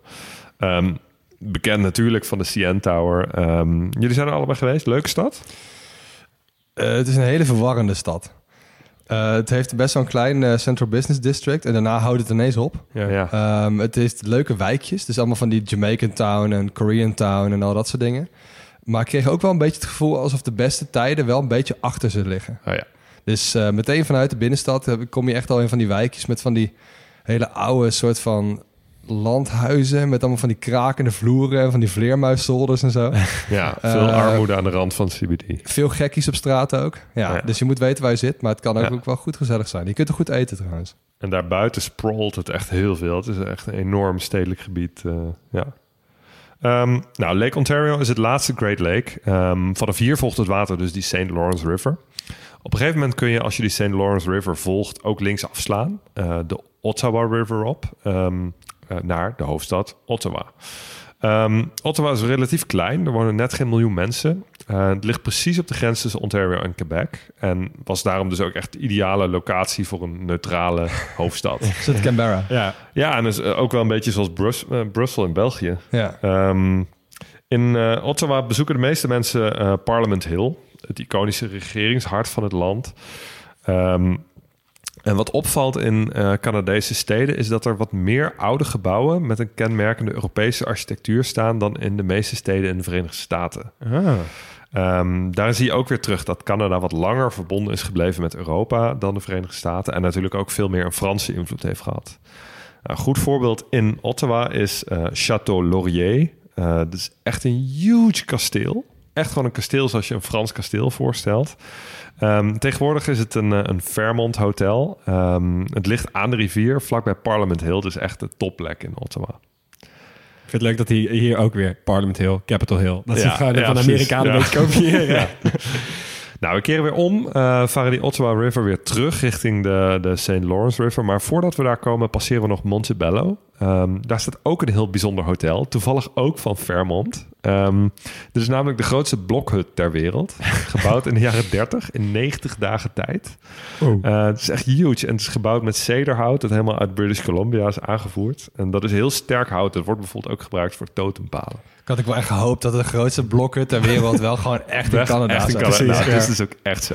Dat is dan, ik zie dan altijd voor me dat ze ook in Amerika hebben. Dat je dan dat dorpje of die stad inloopt. En dat je dan welcome to. En dan plaatsnaam. Home of the biggest blockhuts ter wereld. Ja, Weet je wel, ja. dat je dat eh, hebt. Polar Bear, Capital. Zeg maar Precies, dat, ja, ja. Nou, Montebello dus, een grootste blokhut. Nou, eenmaal terug op die eh, St. Lawrence River kom je al tamelijk snel in Montreal. Eh, de ene grootste stad van Canada. En we zitten inmiddels goed en wel in Quebec, dus we spreken vanaf hier Frans. Ehm, ook in Montreal, tussen de wolkenkrabbers, eh, weer aardig wat oude architectuur. Bijvoorbeeld de Notre Dame. Ja, Oké. gewoon echt, echt Ja. een kathedraal. Waarom niet? Ja. Ehm, na Montreal komt de rivier bij de laatste stad die ik wil bespreken, namelijk Quebec City. En eh, dat is misschien wel de mooiste stad van Canada. Het is ook de enige ommuurde stad in Noord-Amerika. Eh, je waant je er echt in een Frans middeleeuws stadje in de Bourgogne. Oh ja? Ja. Oké. Ehm, ook hier kun je weer slapen in een bijzonder hotel. Weer van Fairmont. Oh, heb je Ja, aandelen? Nee, ja, je zou echt haast denken dat je de een of andere advertorial van Fairmont terecht hebt gekomen. Eh, maar helaas, ik word niet door gesponsord. Eh Fairmont, als je luistert, je mag bellen. maar ze hebben nou eenmaal patent op een aantal super bijzondere hotels in Canada. Zo ook hier in eh, Quebec City, het Château Frontenac. Ook echt weer een enorm kasteel dat boven de oude stad uittorent. echt, echt insane. Ah, nice. Nou, na Quebec City mondt de rivier uit in een, eh, een estuarium, dus wordt die eigenlijk steeds breder. En dat brengt ons uiteindelijk in de Atlantische Oceaan. Nou, ik heb nog wat grote steden gemist die buiten dit gebied vallen. Eh, dus sorry Vancouver, eh, sorry Calgary. Ik beloofde dat ik jullie nog een keer noem in het sporthoofdstukje. Eh, Edmonton en Winnipeg, extra sorry, want jullie hebben het sporthoofdstukje ook niet gehaald. Mooi. Nou, Sorry, Edmonton. Baden, man. Nou, ik ga het wel over een paar steden noem, eh, hebben die je niet genoemd hebt, Hug. Want er wordt gewoon best wel veel geld verdiend. Ja. Ehm, nog even het economie-hoofdstukje. Canada is de negende economie van de wereld. Met 40 miljoen inwoners. Dan vallen ze ongeveer net tussen Italië en Brazilië. Dus dan doe je het wel goed. Het mag duidelijk zijn dat de Canadese economie dus wel echt divers is. Met een hele bloeiende dienstensector en zo. Maar het land leeft nog steeds best wel van wat het land biedt. En wat er onder de grond zit. Ze noemen dat zelfs de, de, de staples theory. De staples kennen wij wel vooral als het bulkonderdeel van een maaltijd. We benoemen dit ook wel in ons keukenhoofdstukje. Dus rijst, aardappelen, bonen, dat soort dingen. Maar hun economische staples zijn dus hout, vis, eh, nu ook olie en gas en verder dus ook een shitload aan mineralen. Nou, daar verdienen ze veel geld mee. Qua gas zijn ze de zesde producent ter wereld en qua olie de vierde. Dus het gaat wel hard. Die, die Staples Theory die stelt dat, eh, dat Canada zijn rijkdom vooral te danken heeft aan het palet van eh, exportproducten. Maar waarschuwt dus ook wel sinds de jaren 30 al voor de risico's van fluctuerende wereldprijzen. Want ja, daar ben je wel van afhankelijk. Die the- theorie is vooral uitgewerkt door de schrijvers Innes en McIntosh. En eh, die Harold Innes die stelt ook dat Canada's economische ontwikkeling vooral gekenmerkt wordt door de relatie tussen de heartland en de hinterland. Dus het heartland, meest bevolkingsdichte deel, kan groeien door het exploiteren van het hinterland, dus het achterland. Nou, Keiharde geografische theorie Zeker. Ja, dan stopt hij meteen ook wel weer. Geen zorgen. Ik heb er nog wel een kleine voor je. Eh, Dutch disease hebben we natuurlijk ook wel een paar keer eh, beschreven. Eh, die heeft Canada dus ook wel echt. Want die olie levert ze zoveel geld op... dat de Canadese dollar zo werd opgedreven... dat ook die landbouwproducten weer veel minder concurrerend worden. Nou ja. Ehm, waar ligt die olie dan vooral? Nou, je hebt net dat hoevenijzertje gehad, eh, Leon, die eh, Canadian Shield. Alberta wordt wel gezien als de olieprovincie van Canada. Dus met steden als Edmonton en Calgary. Heb je ze weer. Ik, ik sprak Matt, ook afkomstig uit Calgary, broertje van Kirsten. En eh, die zei ook dat echt mensen van alle kanten die kant op komen. Eh, sommigen maken een hele carrière ervan natuurlijk. Eh, maar heel veel jongelui gaan er ook gewoon even werken, een paar jaar, voor wat snel geld. Het is wel hard werken, net als een soort van offshore dingen die je nog wel eens ziet. En zij hebben zelf ook de term FIFO. Dus fly in, fly out. Dus mensen die gewoon voor een weekje daar gaan werken. en dan een weekje terug thuis zijn en nou, zo on. Ja, dat, doet me een beetje denken. Je hebt daar ook van die company towns. Dat zijn dan van die ehm, ja, kleine dorpjes. Die hebben ze dan opgericht namens een bedrijf, namens voornamelijk mijnbouw. Eh, en dat kan natuurlijk niet het hele jaar door, want heel vaak is het gewoon te koud. En die zitten dan bijvoorbeeld vier maanden op, acht maanden ergens anders. En in die vier maanden heb je dus gewoon, eh, gewoon vijf gebouwen waar dan 300 mensen wonen, voornamelijk mannen. Eh, en verder gebeurt daar niks. Behalve dus, ja, wat gebeurt als je heel veel geld en heel veel mannen geeft? Die gaan proberen om eh, eh, voornamelijk vrouwen, of in ieder geval nachtelijk vermaak en gokken en eh, peuken en dat soort dingen te regelen. Ja. Dus dat is echt, daar zijn hele documentaires over gemaakt. Dat is echt fascinerend wat Komt een nou lekkere gebeurt. schaduweconomie op af. Echt. Klasse. Nou, dan even qua energie. Eh, het is een van de weinige hoogontwikkelde landen dat exp- eh, energie exporteert. Eh, niet zo'n beetje ook. Qua eh, elektriciteit staan ze op één, net na Frankrijk. Eh, best wel veel daarvan is ook wel hernieuwbare energie. Dus qua waterkracht zijn ze de tweede opwerking van de wereld. En ook qua wind, biomassa en zonne-energie doen ze het wel heel goed.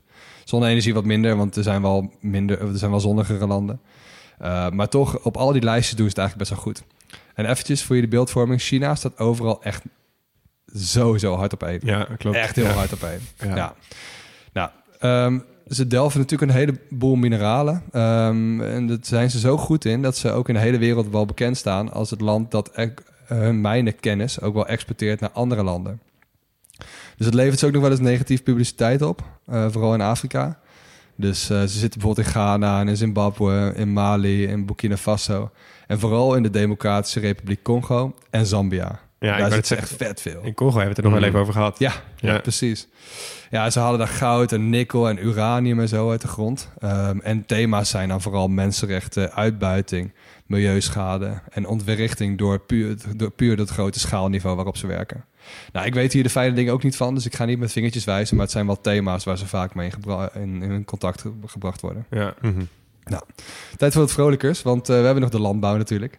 Eh, het zuiden en het oosten van het land zijn natuurlijk vooral de landbouwgebieden. Meest vruchtbaar, meeste water. Platste. En daar geldt dus wel, wel echt denkgroot. Heel groot. ja. en dat dachten dus ook heel veel Nederlanders na de Tweede Wereldoorlog. Want Nederland is natuurlijk vol en je had heel veel regels.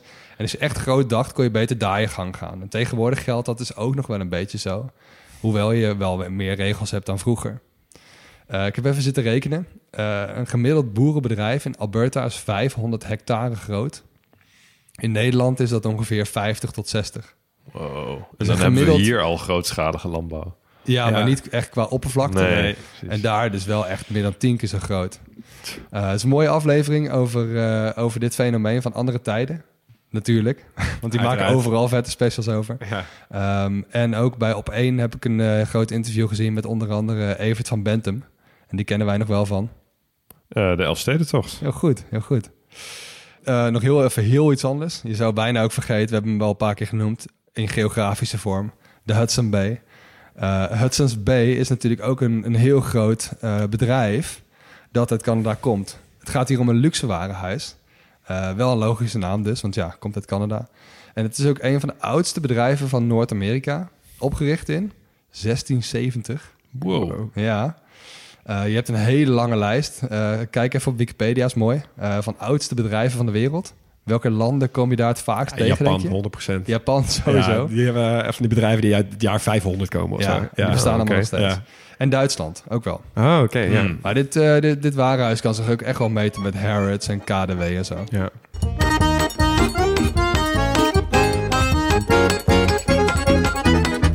Ik begin het hoofdstukje met iets wat we, denk ik, nog nooit hebben behandeld. Ehm, sinds de oprichting in 1984 in Quebec heeft het opgetreden voor meer dan 180 miljoen mensen in 450 steden. Er waren shows die meer dan 160 miljoen dollar kosten, waar tientallen Olympiërs aan meededen. En zij hebben zelf eigenhandig de hele scene waarin zij actief zijn veranderd. Waar heb ik het over? Ik heb geen idee. Een circus? Ja. En welke? Oh.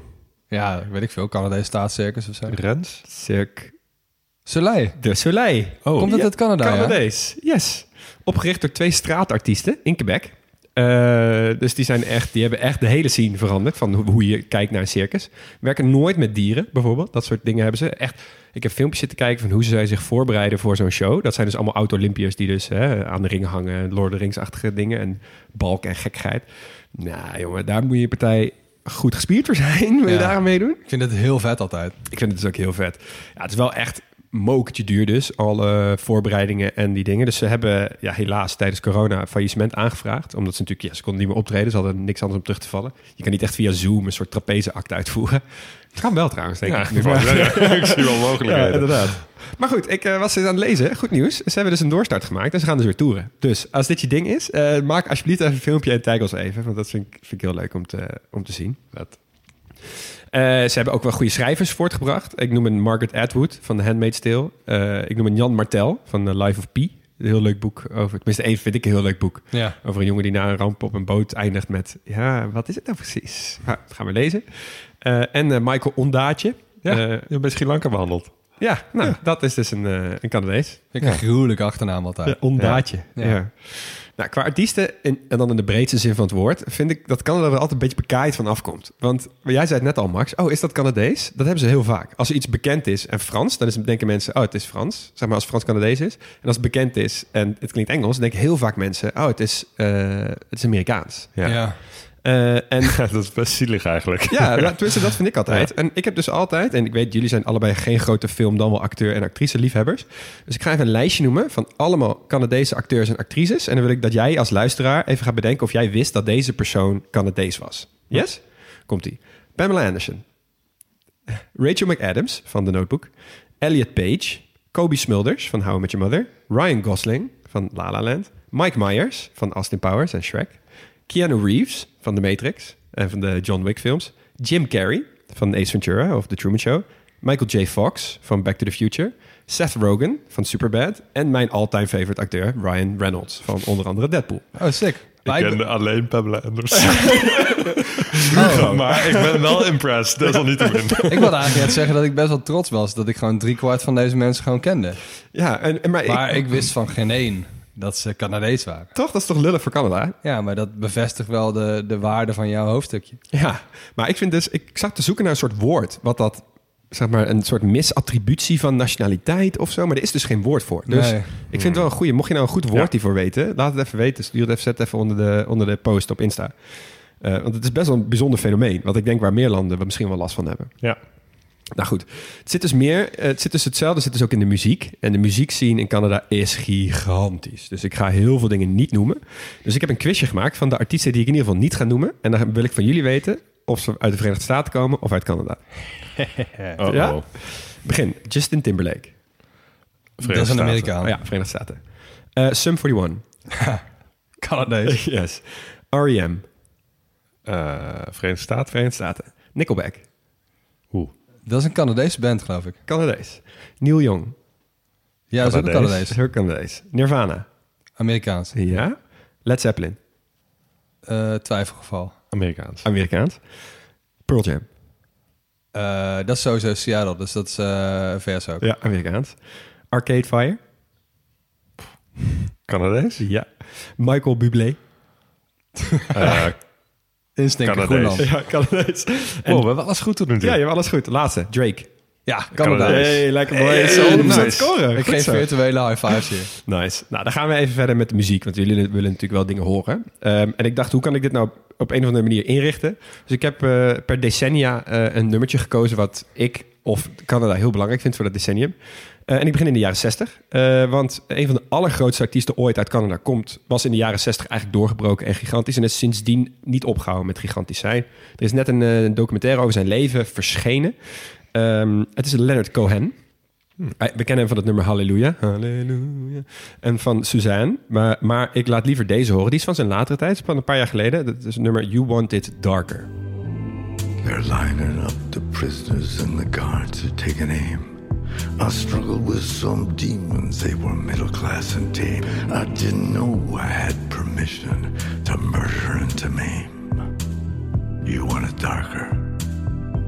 Oh, ik vind dit zo'n epische stem, hè? Zo zwaar. Zoveel controle, maar zo zwaar inderdaad. Ja. En ja, toch kan ik er niet langer dan twee minuten naar luisteren. Maar ik vind het zo knap. Ja, ik vind het echt fantastisch. Er is, ook, eh, er is echt ook een hele goede remix van het nummer gemaakt. Mocht je die willen horen, laat het even weten. Goeie artiest. Jazeker. Eh het, het, het nummer zelf heeft ook dubbele laag. Want het lijkt heel erg over religie te gaan. En uiteindelijk, hoe meer je het luistert, hoe meer je erachter komt dat het vooral gaat over wat zich als religie voordoet.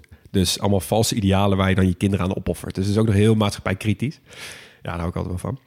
Goed, 70s, eh, iets vrolijker. Eh, De Backman Turner Overdrive. Ik weet zeker dat de meeste van eh, ons, in ieder geval mijn vader, luisterde dat altijd heel erg goed. Heel erg ja, vaak. Ik denk die van jou ook wel, Max. Dit is het nummer You Ain't Seen Nothing Yet.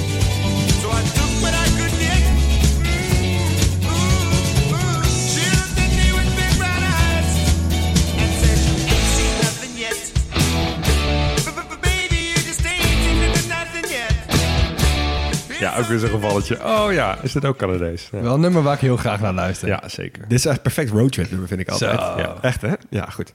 Nou, de 80s is niet per se iedereen's lievelingsdecennium decennium qua muziek en qua stroming. Want Jou sowieso wel. nou, even, de, de disco en de elektronische kant vind ik inderdaad fantastisch. Maar de kant van de vieze soft rock, daar hoef je mij niet per se voor te bellen. Ga je dat Eh, nu laten horen? En daar hebben de Canadezen ook een superster in. En dan heb ik het natuurlijk over Brian Adams.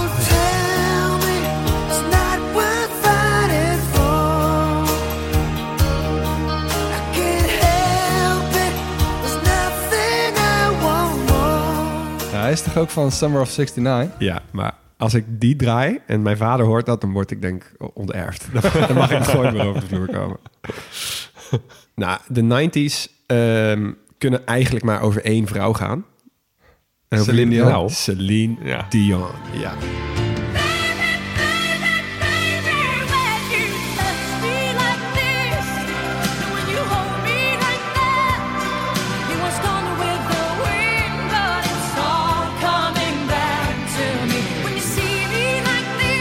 Fantastisch. Ik ken ook weinig anders van haar dan het nummer van de Titanic. En deze. Ja, en deze dus. En deze. Hey, ehm, wisten jullie dat Celine Dion ooit heeft deelgenomen aan het Eurovisie Songfestival? Zeker, staat hier als feitje voor mij. Oké, Max. eh, namens welk land? Frankrijk. Nee. Zwitserland. Ja, En dat negen- heb ik laatst opgepikt. Heb ik geluistervinkt in de trein. Er zaten twee gasten naast me, net zo nerds als wij drieën. Die zaten, zaten quizjes bij elkaar af te nemen. En die kwamen met dit feitje. Ik dacht, hé, die heb ik onthouden. Ja, zeker, maar ik vind haar dus echt, ik vind haar echt fantastisch. En ze staat dus in de top drie best verkopende vrouwelijke artiesten aller tijden. Eh, ze zingt in het Frans en in het Engels. Eh, en ze heeft inderdaad natuurlijk die Young klassieker voor de film Titanic eh, eh, gezongen. Nou, geniaal. Sowieso doen Canadese vrouwen uit dat tijdperk het best wel goed. Want eh, ik heb nu bijvoorbeeld niet Alanis Morissette genoemd. Ik heb bijvoorbeeld niet Nelly Furtado genoemd. Oh, Eh, En ik heb bijvoorbeeld niet Max's lievelingetje Avril Lavigne genoemd. En die Ah ga man, ik ook zat op te dansen. Maar ik wil het wel hebben over een andere vrouw die in de top 10 stond van de meest best verkopende artiesten aller tijden. En dat is Shania Twain. En dan mogen jullie kiezen. Of laat ik horen That Don't Impress Me Much. Of laat ik horen Man, I Feel Like a Woman. Of laat ik horen You're Still the One. De- Eerste. de- de- de- de- de- Ik ga voor de tweede. Maar doe maar die eerste dan. Oké. place. Well, you think you're special. Well, you think it's something else. Okay, so you're Brad Pitt. That don't impress me much. Stiekem, beter nummer dan die andere. ja, echt heerlijk. Ja, ik vind Shania Twain echt een verschijning altijd. Zo'n mooie vrouw. Ik weet echt niet. Ze is ook al gewoon serieus al best wel oud, hè? Ja, ik wist het helemaal niet dat zij zo'n verschijning was. Ik kende alleen nummers die ik best wel leuk vond eigenlijk. Ja, ja stiekem altijd wel op gedanst. Nou, dan gaan we even wat meer naar onze tijd. Eh, er zijn heel veel Canadezen in onze tijd die zijn doorgebroken. Bijvoorbeeld Shawn Mendes, bijvoorbeeld Justin Bieber, bijvoorbeeld Drake. eh, bijvoorbeeld Carly Rae Jepsen met Call Me Maybe. een van de grootste hitten van, eh, van, af- van de Canadese bodem van de afgelopen 20 jaar. Echt een lekker nummer altijd. Maar ik ga naar een van mijn meest beluisterde artiesten. Eh, in ieder geval van een paar jaar geleden stond hij bij mij volgens mij op één of twee op Spotify. Weet je wel, die Spotify Wrapped aan het einde van het jaar. En ik heb het over Abel Makonnen Tesfaye. Ook wel bekend als The Weeknd.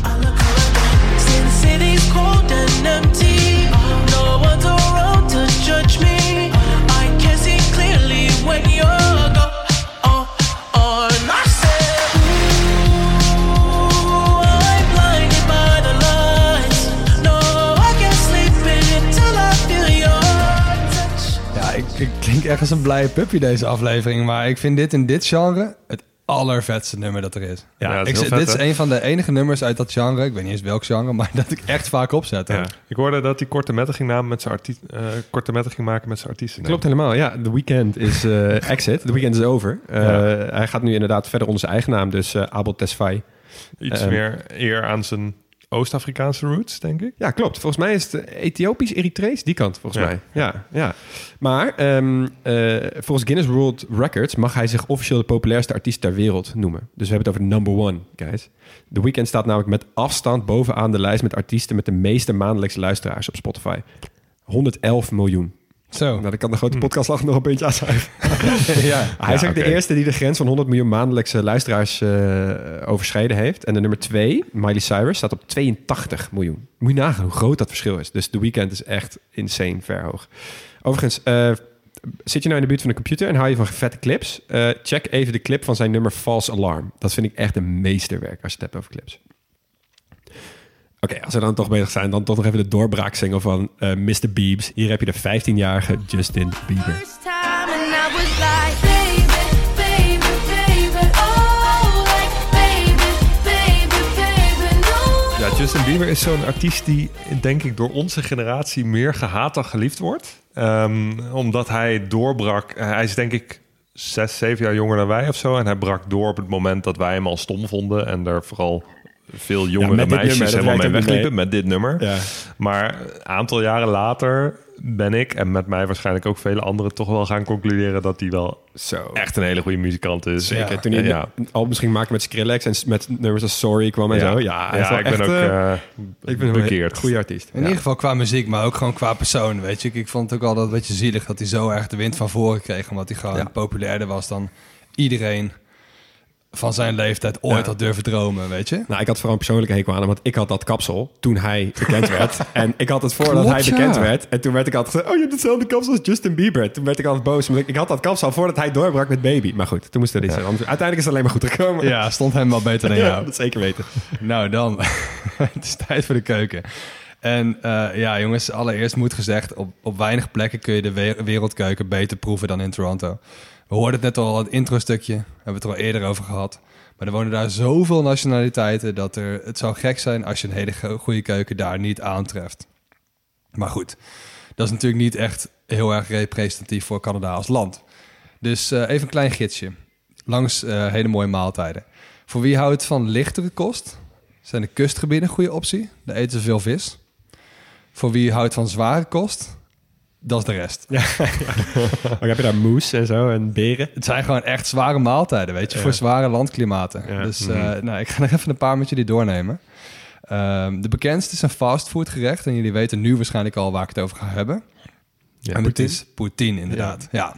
Zoals het klinkt, komt het dus ook uit het Franse deel. Dus uit Quebec. Eh, denk je in een soort loaded fries. Maar dan de friet eh, wordt getopt eigenlijk met, met wrongel. Vind ik altijd een mooi woord. Maar Ja. het is eigenlijk het voorstadium van kaas. Eh, en dan wordt het overgoten met jus. Ja, ik vond het een soort Ja. eh, huismerk kapsalon. Ja, nou, het, het heeft ook best wel veel overeenkomsten qua eh, hoe het de wereld ingekomen is. Eh, dit is wel ietsje ouder, 1950 ongeveer, die, die jaren. Ehm, het gaat een beetje zo, vaste klant vraagt om een gekke versie van iets anders. Eh, gaan dat dan maar maken, maar krijgt uiteindelijk een vaste plek in de keuken. Nou, hier, kapsalon light. Ja, precies. Nee, maar Ja. dat is echt zo. Ja. Het is wel echt alleen de basis wat ik net noemde trouwens. Je kunt het echt eh, met alles eh, uitbreiden waar je zelf wil. Ehm, er is wel wat gesteggel nog over de herkomst van de, naam. Maar hier heb je de twee belangrijkste versies. De eerste is een combinatie van de bijnaam van de kok, dus tipoet, plus ook dus het slang voor pudding, dus poutine. Oké. Nou, Oh, ja. vind ik een medium versie. Eh, tweede vind ik beter. Het gaat om de reactie van de snackbarhouder zelf op het verzoek. nou hij zei in het Frans, ça va faire une maudite poutine. Oftewel, het wordt er wel een flink soortje van. Oh, Dus poutine is soortje. Ja. Nou, Ja, ja. Zo ziet het er ook wel uit. Ik dacht altijd dat de poutin wel iets mee te maken zou zeg maar. Maar dat was niet. Veel fastfoodketens die serveren hem ook. Dus ook de lokale, lokale McDonald's, ook de KFC en zo. Maar ook Tim Hortons. Ja, Tim Hortons. Qua aantal winkels eh, is dit de 18e fastfoodketen van de wereld. Eh, het is de grootste die niet uit de VS komt. Nou, nogmaals, laat dat even op je inwerken. Ja. Eh, in de top 30 staan twee Chinezen en één Canadese. En de rest is allemaal uit de. VS. Oh, ja. zo. Dus je het hebt over dingen die ze daar goed kunnen. En we gaan nog even door op de, op de heavy hitters. Eh, het Franstalige deel produceert wel meer, eh, wel meer klassiekers. Eh, Een goed voorbeeld daarvan is tourtière. Eigenlijk een soort Amerikaanse appeltaart, hè, zo'n American pie. Maar dan helemaal gevuld met gehakt. Oh, die ken dan. Zo. ja. Dus laten we het maar snel even hebben over dingen die ze wat mij betreft wel hierheen mogen halen. Allereerst, dit, ik werd hier zo ongelooflijk gelukkig van. De nationale cocktail. Hebben jullie ooit gehoord van de Caesar cocktail? Nee? Is het, Komt-ie. is het kip met sa- sa- saus eroverheen? Nee, maar het zit er ook niet heel ver vandaan. Oh nee. Ik vind het eigenlijk een beetje de Bloody Mary voor extreme vissers. dus de tomatensap en de vodka en de, de, de hot sauce, hè, de tabasco, die krijg je van me. Ja. En dan ehm, clam juice. De schelpdierenbouillon gaat erin. Ja. Ja. Clamato is een eh, bekend merk. Het is eigenlijk een tussenversie tussen frisdrank en bouillon. Zo moet je het een beetje zien. Maar dus wel gemaakt van schelpdieren. Daar moet geen tussenversie in zijn tussen frisdrank en bouillon. Ik wil daar niet dat daar een tussenversie in bestaat. Nee. maar ja, toch zit het erin. En het is best een belangrijk ingrediënt ook. Dus je komt er niet mee. En Worcestershire zit erin. Ehm, en je serveert dit dus in, met, met ijs in een longdrinkglas. Eh, de rand daarvan is bedekt met selderijzout. Wat? Dus keukenzout gemengd met gemalen selderijzaad. Eh, en je krijgt voor de vorm ook een stengel bleekselderij erin. Oh, ja. ja. En dit is nog maar de basis. Want ik heb echt varianten gezien met echt eruit stekende augurken. eh, op een stokje donuts, bacon, pizzapunten. donuts? Kipnuggets, alles. Pizzapunten met clam bouillon. Het schijnt Doe dat dit echt de ultieme detox is. Weet je, Oh, dus ja, na een avond ja. drinken wil je eigenlijk detoxen, maar je wil eigenlijk ook wel weer gewoon beginnen. Dus nou ja, retox is dit je beste, beste way Ja, out. Bloody Mary's op festivals, 's ochtends vroeg. Is Een beetje hetzelfde idee Ja. Nou, in ieder geval met hele onbetrouwbare, onbetrouwbare cijfers gerekend... eh, schijnt dat er zo'n 350 miljoen verkocht worden elk jaar. Oké. Dus dit is niet een heel obscuur iets. Dit Nee. drinken ze gewoon allemaal. Kirsten trouwens, die die boodschap inst- inst- insprak... die zei, dit is het beste ooit. ze, heeft, ze heeft me er eentje beloofd. Dus, eh, ik ben ineens heel benieuwd inderdaad. Ja, goed, we kunnen nu dus wel wat zoetigheid gebruiken. En ook daar zijn ze super goed in. British Columbia maakt de Nanaimo bars. Dat is echt, als je mij vraagt, een en al perfectie. Het is echt het is een soort van plaatkoek met drie lagen. Eh, de eerste, de onderste, is een soort van crumble basis. Eh, die tweede is custard in het midden dus. Ja. En de derde is een chocolade ganache boven. ja. Het voordeel is, eh, je hoeft hem niet te bakken. Dus Nee. je kunt hem zonder oven ook wel maken. Aha, oké. Doe dan. Na de aflevering. maar net als je denkt dat het niet beter kan... 80% van de, eh, van de wereldvoorraad maple syrup komt uit Canada. Yes. Ja. Ja, bijna allemaal uit Quebec. Dan de VS, dan Nederland. Oh ja? Ja, Hebben wij zoveel esdoorns? blijkbaar. Maar ik denk dat het, geen, het mag geen naam hebben. Als 80% al eh, Canada is. Het is eigenlijk het ingekookte sap van de esdoorn. Een beetje verhouding van 1 staat als 40. Hè, dus eh 40 liter sap, eh Haal 1 je één, liter eh, eh, ja, je flink doorkoken.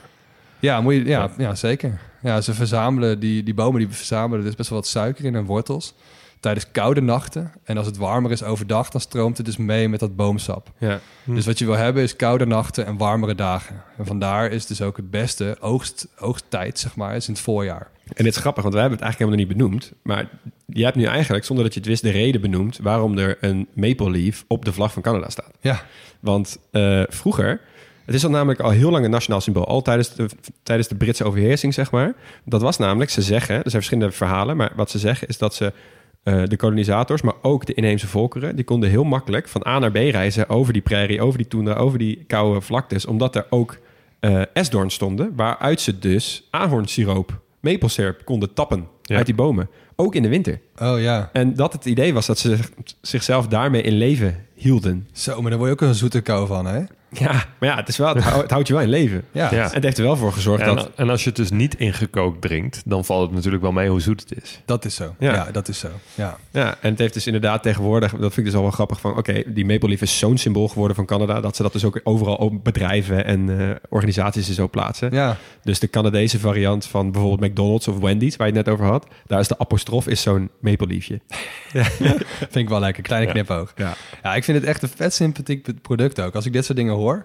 Eh, en ik, ja, ik was, ik was vorig jaar toevallig in het noordoosten van de, van de Verenigde Staten. En dat was net in mei. Dus dan had je net ook diverse oogst en zo.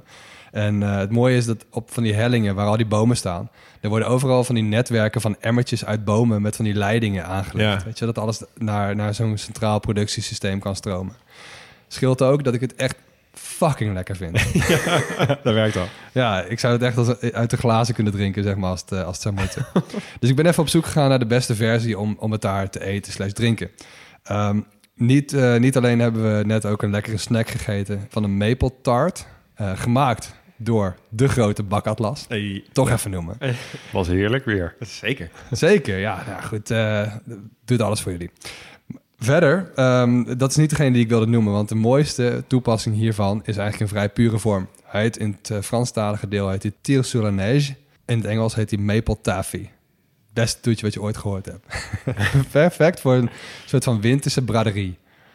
Dus wat doe je? Je pakt een plank of een ondiepe bak met sneeuw. Dus de bovenste laag sneeuw.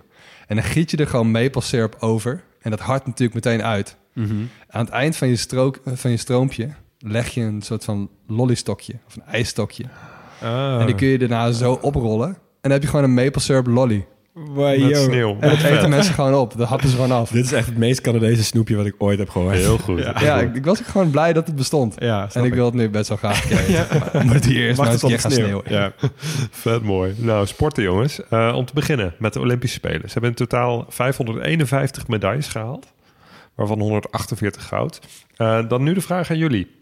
Hebben ze meer medailles gehaald op de zomerspelen of de winterspelen? Ja, kan toch alleen maar winter zijn. Dat zeg ik zomer. Ja, op de zomerspelen 326. Shit. En op de winterspelen 225. Maar ehm, op de winterspelen haalden ze wel meer gouden medailles. Hier. 77 tegenover 71 op de zomerspelen. Ehm, op de zomerspelen eh, scoren ze vooral goed met atletiek, roeien en zwemmen. Eh, op de winterspelen eigenlijk met bijna alles. Een van de gouden medailles op de zomerspelen haalden ze trouwens met ijshockey.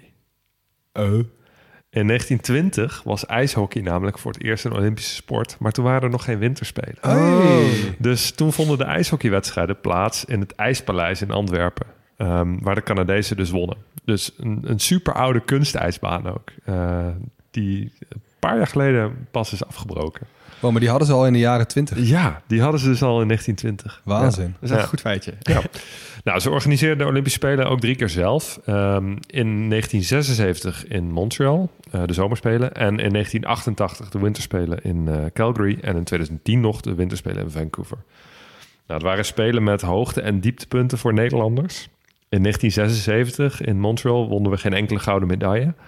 Ehm, in 1988 in Calgary was daar Yvonne van Gennep. Ah, ja. Ehm, die de onverslaanbaar geachte Oost-Duitse schaatsters eh, versloeg en drie keer goud pakte. En de Spelen van Vancouver die blijven toch een beetje een nationaal trauma vanwege de verkeerde wissel van Sven Kramer. Ja. Slechte sneeuw was het ook toen, hè? Oh. Heb je- Ja? heb je- Ja, man. Ja, en een levensgevaarlijke bobsleebaan. Ja, zo. Oh, Ja. ja. Ik zal niet zeggen zoals jij met die Spelen van 2012 dat ik hem echt gepinst heb. maar ik ben van sommige onderdelen Wel wel goed bekeken, ja. Ehm, nou, Canada is ook, een, eh, een land, eh, is ook het land van de atleten die het vaakst uitkwam op de Olympische Spelen. Tien keer, maar liefst. Ehm, Ian Miller, een springruiter, deed voor het eerst mee in 1972 en voor het laatst in 2012. Ehm, hij miste alleen de Spelen van 1980 in Moskou door een boycott van de westerse Ja. wereld. Ehm, in 2008 werd zijn lange carrière uiteindelijk beloond met een zilveren medaille op de teamwedstrijd. Dus goed. individueel heeft hij nooit een medaille gepakt. maar- Lijkt me ook wel een sport waar je lang aan mee kan doen. ja, Voor hem was meedoen belangrijker dan winnen in ieder geval. ja, dat in ieder geval wel. Ja. Ehm, dan, Canada heeft eh, twee nationale sporten. IJshockey in de winter en in de zomer... Baseball? Nee, lacrosse. Oh, Ja. ja. En de oudste van de twee is ook lacrosse. Ehm, lacrosse is namelijk oorspronkelijk een sport die werd gespeeld door de inheemse bevolking. Eh, een hele fysieke sport waarmee jonge mannen werden gevormd als krijger. Het werd gespeeld op enorme velden, soms wel kilometers lang. Dus gewoon eigenlijk op een stuk land meer. Ehm, het duurde soms ook een paar dagen. En toen de Fransen in Canada aankwamen en getuigen waren van dat fenomeen, zijn ze het lacrosse gaan noemen. Cross is Frans voor stick, bijvoorbeeld. Ja, ja. Ehm, nou, de stick bij lacrosse eh, heeft aan het uiteinde een netje waar je de bal mee kan vangen en vervoeren. En nou, dat is het, de bedoeling dat je die bal overpaast en uiteindelijk scoort. Maar de inheemse bevolking die gebruikte die stick tijdens dat spel ook echt als een dodelijk wapen. Ehm, het moderne lacrosse kent regels die het een stuk minder gevaarlijk maken. En eh, en spelers zijn ook goed ingepakt, maar het is nog steeds wel echt een hele harde sport. Ja. Ik heb me echt vergist in die sport. Want vroeger Ja. dacht ik op een of andere manier... Ik was er nooit meer in aanraking gekomen. Dacht ik, oh, lacrosse is een soort, weet ik veel, korfbal. Alleen dan met een stick met een netje of Dat je zo. laf. Ja. En Toen zag ik dat een keer het echt. En dacht ik, wow, doe Ja. rustig. Ja, Dat maar, gaat hard, maar ik dacht ook dat het een hele nieuwe sport was. Maar het was in eh 1904 en 1908 was het bijvoorbeeld Olympisch. Oh, joh. Oh, Dus ja. het, het is echt wel een oude sport. Het is in Amerika ook echt zo'n sport voor van die high school jocks, weet je wel. Ja. Van die stoere gasten. en Ja. zo. Als ze geen quarterback worden, dan worden ze wel Ja, crossspelers. Ja.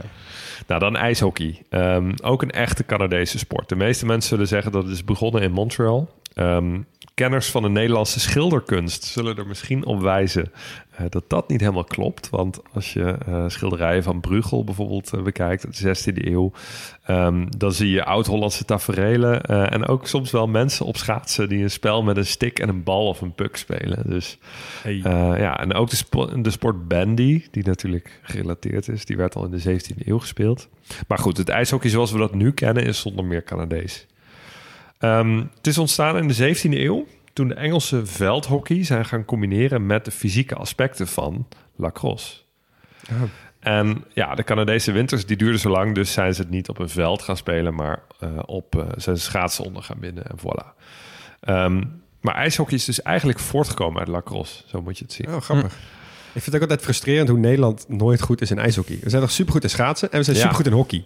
Ja. Come on, guys. Ja, ja, on, stop die dingen Ja, samen. maar wij echt zijn wel, gewoon niet zo stoer, weet je. Nee. Nee, Ja. en het is ook niet... Het zijn natuurlijk totaal andere sporten. Het is niet alsof Nee, I know. Maar het is vroeger werd ik hier altijd... als hockeygasten, swinters ineens ijshockey schaatsen Dit is gewoon aandoen, 15 jaar geleden. inpakken. Dus 1 plus 1 moet 2 Precies. zijn. Als het niet Ja. 2 is, dan is er iets Nee, maar ik, dacht, ik verkeerd. dacht vroeger altijd, ik denk toch wel eens als je in Amerika zou zijn, welke van de vier grote sporten zou je dan volgen, denk je, zeg maar. Eh, en dan, ik, bij mij is het heel vaak, ik ben wel een paar keer bij een ijshockeywedstrijd geweest, waaronder van een van de grote die jij straks misschien gaat noemen.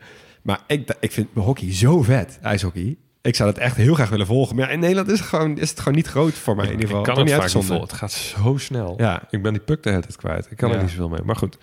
Ehm, de succesvolste Canadese ijshockeyclub is de Montreal Canadiens. Eh, die hebben 24 keer de Stanley Cup gewonnen. Dat is de, de beker die je wint in de National Hockey League. De ijshockeycompetitie die ze delen met de Verenigde Staten. Ja, national. Het is ook de oudste ijshockeyclub ter wereld. Ouder dan de NHL zelf. Ehm, maar ze wachten wel al 30 jaar op een titel. Dus het is wel een beetje vergane glorie. Ehm, de grootste ijshockeyer aller tijden speelde trouwens nooit voor Montreal. En ik heb het natuurlijk over Wayne Gretzky. ja, Wayne Gretzky, de, the Great One. Ehm, hij is de enige ooit die in één seizoen meer dan 200 goals en assists noteerde. Echt een legend. En dat heeft hij vier keer gedaan. Dus niemand is dat ooit gelukt en hij deed het vier keer. Zal ik een leuk verhaal vertellen over Wayne Gretzky? Ik Doe heb, dat. Toen wij in eh, Canada waren, in Toronto, toen gingen we naar de National, zeg maar die, die Hall of Fame, weet je wel, van hockey. En eh, de gast met wie we daar waren, die kende de, de gozer die daar dus eh, achteraf, achterlangs bij al, die, bij al die echte dingen mag komen. En hij zei van, ja, de stick in het museum is een replica. Dit is de echte stick van Wayne Gretzky. En die mogen jullie vasthouden. En wij als 15-jarigen daar, oké, hockeystick, volgende persoon. Oké, hockeystick, volgende persoon. Oké, hockeystick, fuck it. Weet je geen idee wie die guy is. Toen kwamen we daarna bij onze uitwisselingsstudenten. Toen zeiden van, ah ja, we hebben daar en daar geweest. We hebben de stick van Wayne Gretzky vastgehouden. En die hele familie werd helemaal gek. Wat, heb jij de stick van Wayne Gretzky vastgehouden? Dat is gewoon voor hun alsof je, weet ik veel, de allereerste voetbalsloffen van Johan Cruijff vast hebt. Zeg maar. Ja. ja. dat was echt voor ons een, een no-brainer. Nee. Oh, grappig. Ehm, nou, over die, eh, die hockeycompetities. ehm, die NHL, die delen ze dus met de Verenigde Staten. Maar dat doen ze wel meer. Ehm, ook de MLB voor honkbal, de NBA voor basketbal en de MLS voor voetbal. Ehm, daar doen zowel Canadese als Amerikaanse teams mee. Is geografisch ook best wel handig, want daardoor kunnen ze de competities verdelen in Oost en West en soms nog Midden en Zuid. Ehm, en kun je juist veel dichter bij huis spelen dan anders. Voor Toronto FC bijvoorbeeld ligt eh, Chicago Fire veel dichterbij dan de Vancouver Whitecaps. Ja. Dus ja. Ehm, alleen aan de NFL doen ze niet mee, want American football spelen ze niet in Canada. Eh, ze spelen Canadian voetbal. Het veld is een stukje groter. De andere verschillen zouden mij waarschijnlijk niet opvallen. Ehm, voorafgaand aan de wedstrijden in die leagues wordt altijd met heel veel passie het volkslied gezongen. En als een Canadees team tegen een Amerikaans team speelt, eh, worden dus de volksliederen van beide landen gezongen. Ehm, bij Canada is dat bij eh, sportwedstrijden trouwens altijd O Canada en niet God Save the King. Dat is het koninklijke volkslied, maar O Canada is echt het nationale en dus ook het sportvolkslied. Maar het spelen van elkaars volksliederen, dat gaat wel echt een stukje respectvoller dan bij een gemiddelde interland voetbalwedstrijd in, eh, in Europa. Ehm, luister maar eens naar dit fragment uit eh, 2014. Natalie Morris die zong voorafgaand aan een ijshockeywedstrijd eh, in Canada tussen de Toronto Maple Leafs en de Nashville Predators het Amerikaanse volkslied toen haar microfoon uitviel.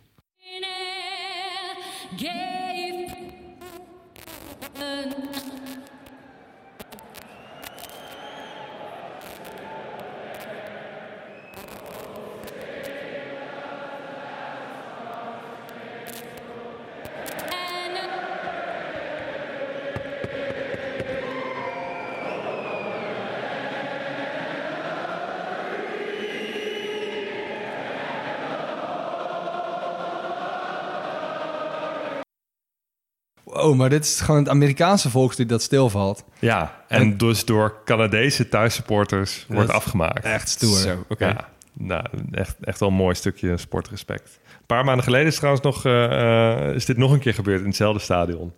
Ze moeten die geluidsman echt Ja. even ontslaan. Ja, dat ook. Maar aan de andere kant zorgde er wel voor een mooi moment.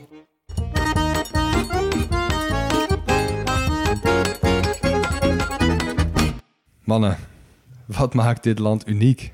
Nou, het maakt het uniek omdat het eigenlijk een soort gek kijkje in de geschiedenis is van wat zou er gebeurd zijn met het machtigste land op aarde als het een andere afslag had genomen. Dus eh, het is zo Amerikaans, zeg maar, zo gericht op de Verenigde Staten, maar tegelijkertijd ook zo weer niet. Zeg maar, het is eigenlijk de Europese variant van de Verenigde Staten. En we hebben de Verenigde Staten natuurlijk niet, niet behandeld nog, maar de meeste mensen hebben wel een algemene kennis daarvan. Maar Canada is gewoon een stuk liever, een stuk meer be- betrokken met hun inwoners op, zeg maar, op inheemse stijl, tot en met eh, eh, de, de ziektekosten bijvoorbeeld en de, de gezondheidszorg en zo. Ja. En alles ertussenin. En Amerika is echt wat er gebeurt als iedereen zich aan een lot overlaat. Eh, en dat vind ik wel grappig om te zien hoe Canada daarin echt een andere, in mijn ogen betere afslag heeft genomen dan Amerika. Ja, dat ze die diversiteit ook promoten in plaats van eh verafschuwen.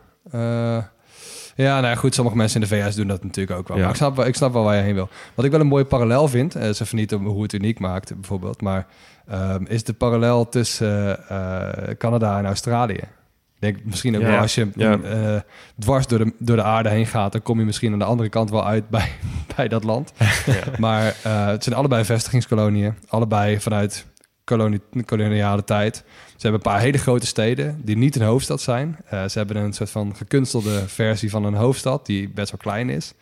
Ehm, ze zijn er wel, ze zijn in Alles dezelfde. wat Canada niet uniek maakt dus, maar inderdaad wel een mooi Ja. parallel. Ja, ik vind Ja. het wel een leuke parallel. Ongeveer net zoveel inwoners, allebei fucking groot. Eh, nou ja, gaan nog wel even door. Maar eh, wat, eh, wat maakt Canada uniek volgens jou, Hugo?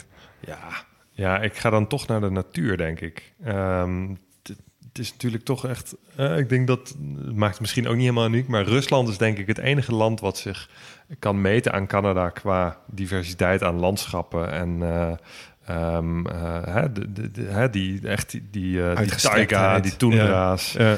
Ja, dat is toch wel echt... eh, dat lijkt me echt fantastisch om daar een keer doorheen te reizen. Ja. Ik, eh, ik wil dat echt heel graag. Ja. Ze Ja. noemen het liever niet de Great White North. Dat vind ik ook vette bijna. Ja, ja. Nou ja, Ja. Ik, ik, ik denk dat ik inderdaad... Canada staat voor mij hoger op de lijst dan de Verenigde Staten nog misschien wel. Ja. Om, Dat is toch wel jammer dat je dan omwille maar één dag hebt. ja, ja, nou, ja, één dag. Laat ik, ik, ik denk dat Canada ook echt het stomste land is om maar één dag naartoe te gaan. Tuurlijk. En tegelijkertijd denk ik dat heel veel mensen het toch doen... bij de Niagara Falls Zeker. bijvoorbeeld. Ja. Uh, dus dat, dat, dat is ook wel weer heel bizar. Maar ja, wat zou ik één dag in Canada doen? Ja, één dag is te kort om, denk ik, uh, om, om echt goed van het natuurschoon te genieten.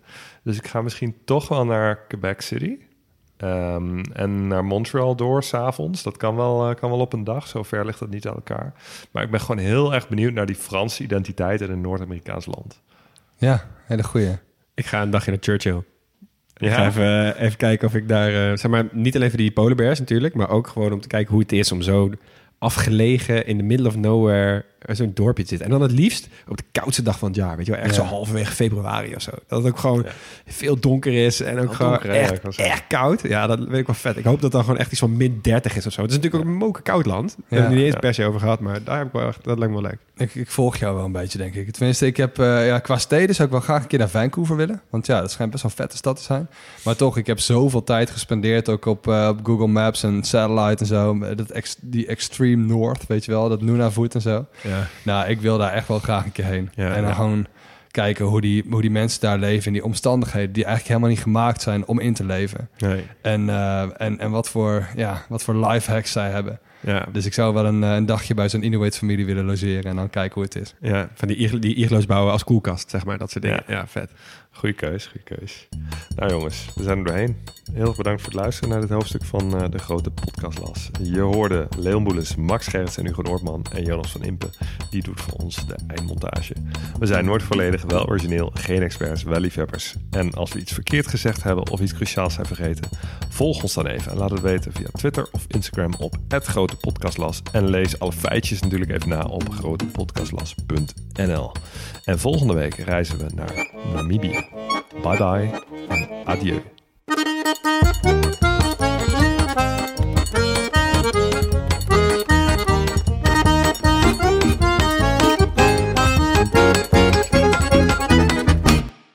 Yo, luisteraar, luister je nog steeds? Klasse man, je hebt er gewoon helemaal afgeluisterd. Nou, nu je tot hier bent gekomen, koop dan ook gelijk even ons boek hè. grotepodcastlas.nl slash boek. Doei!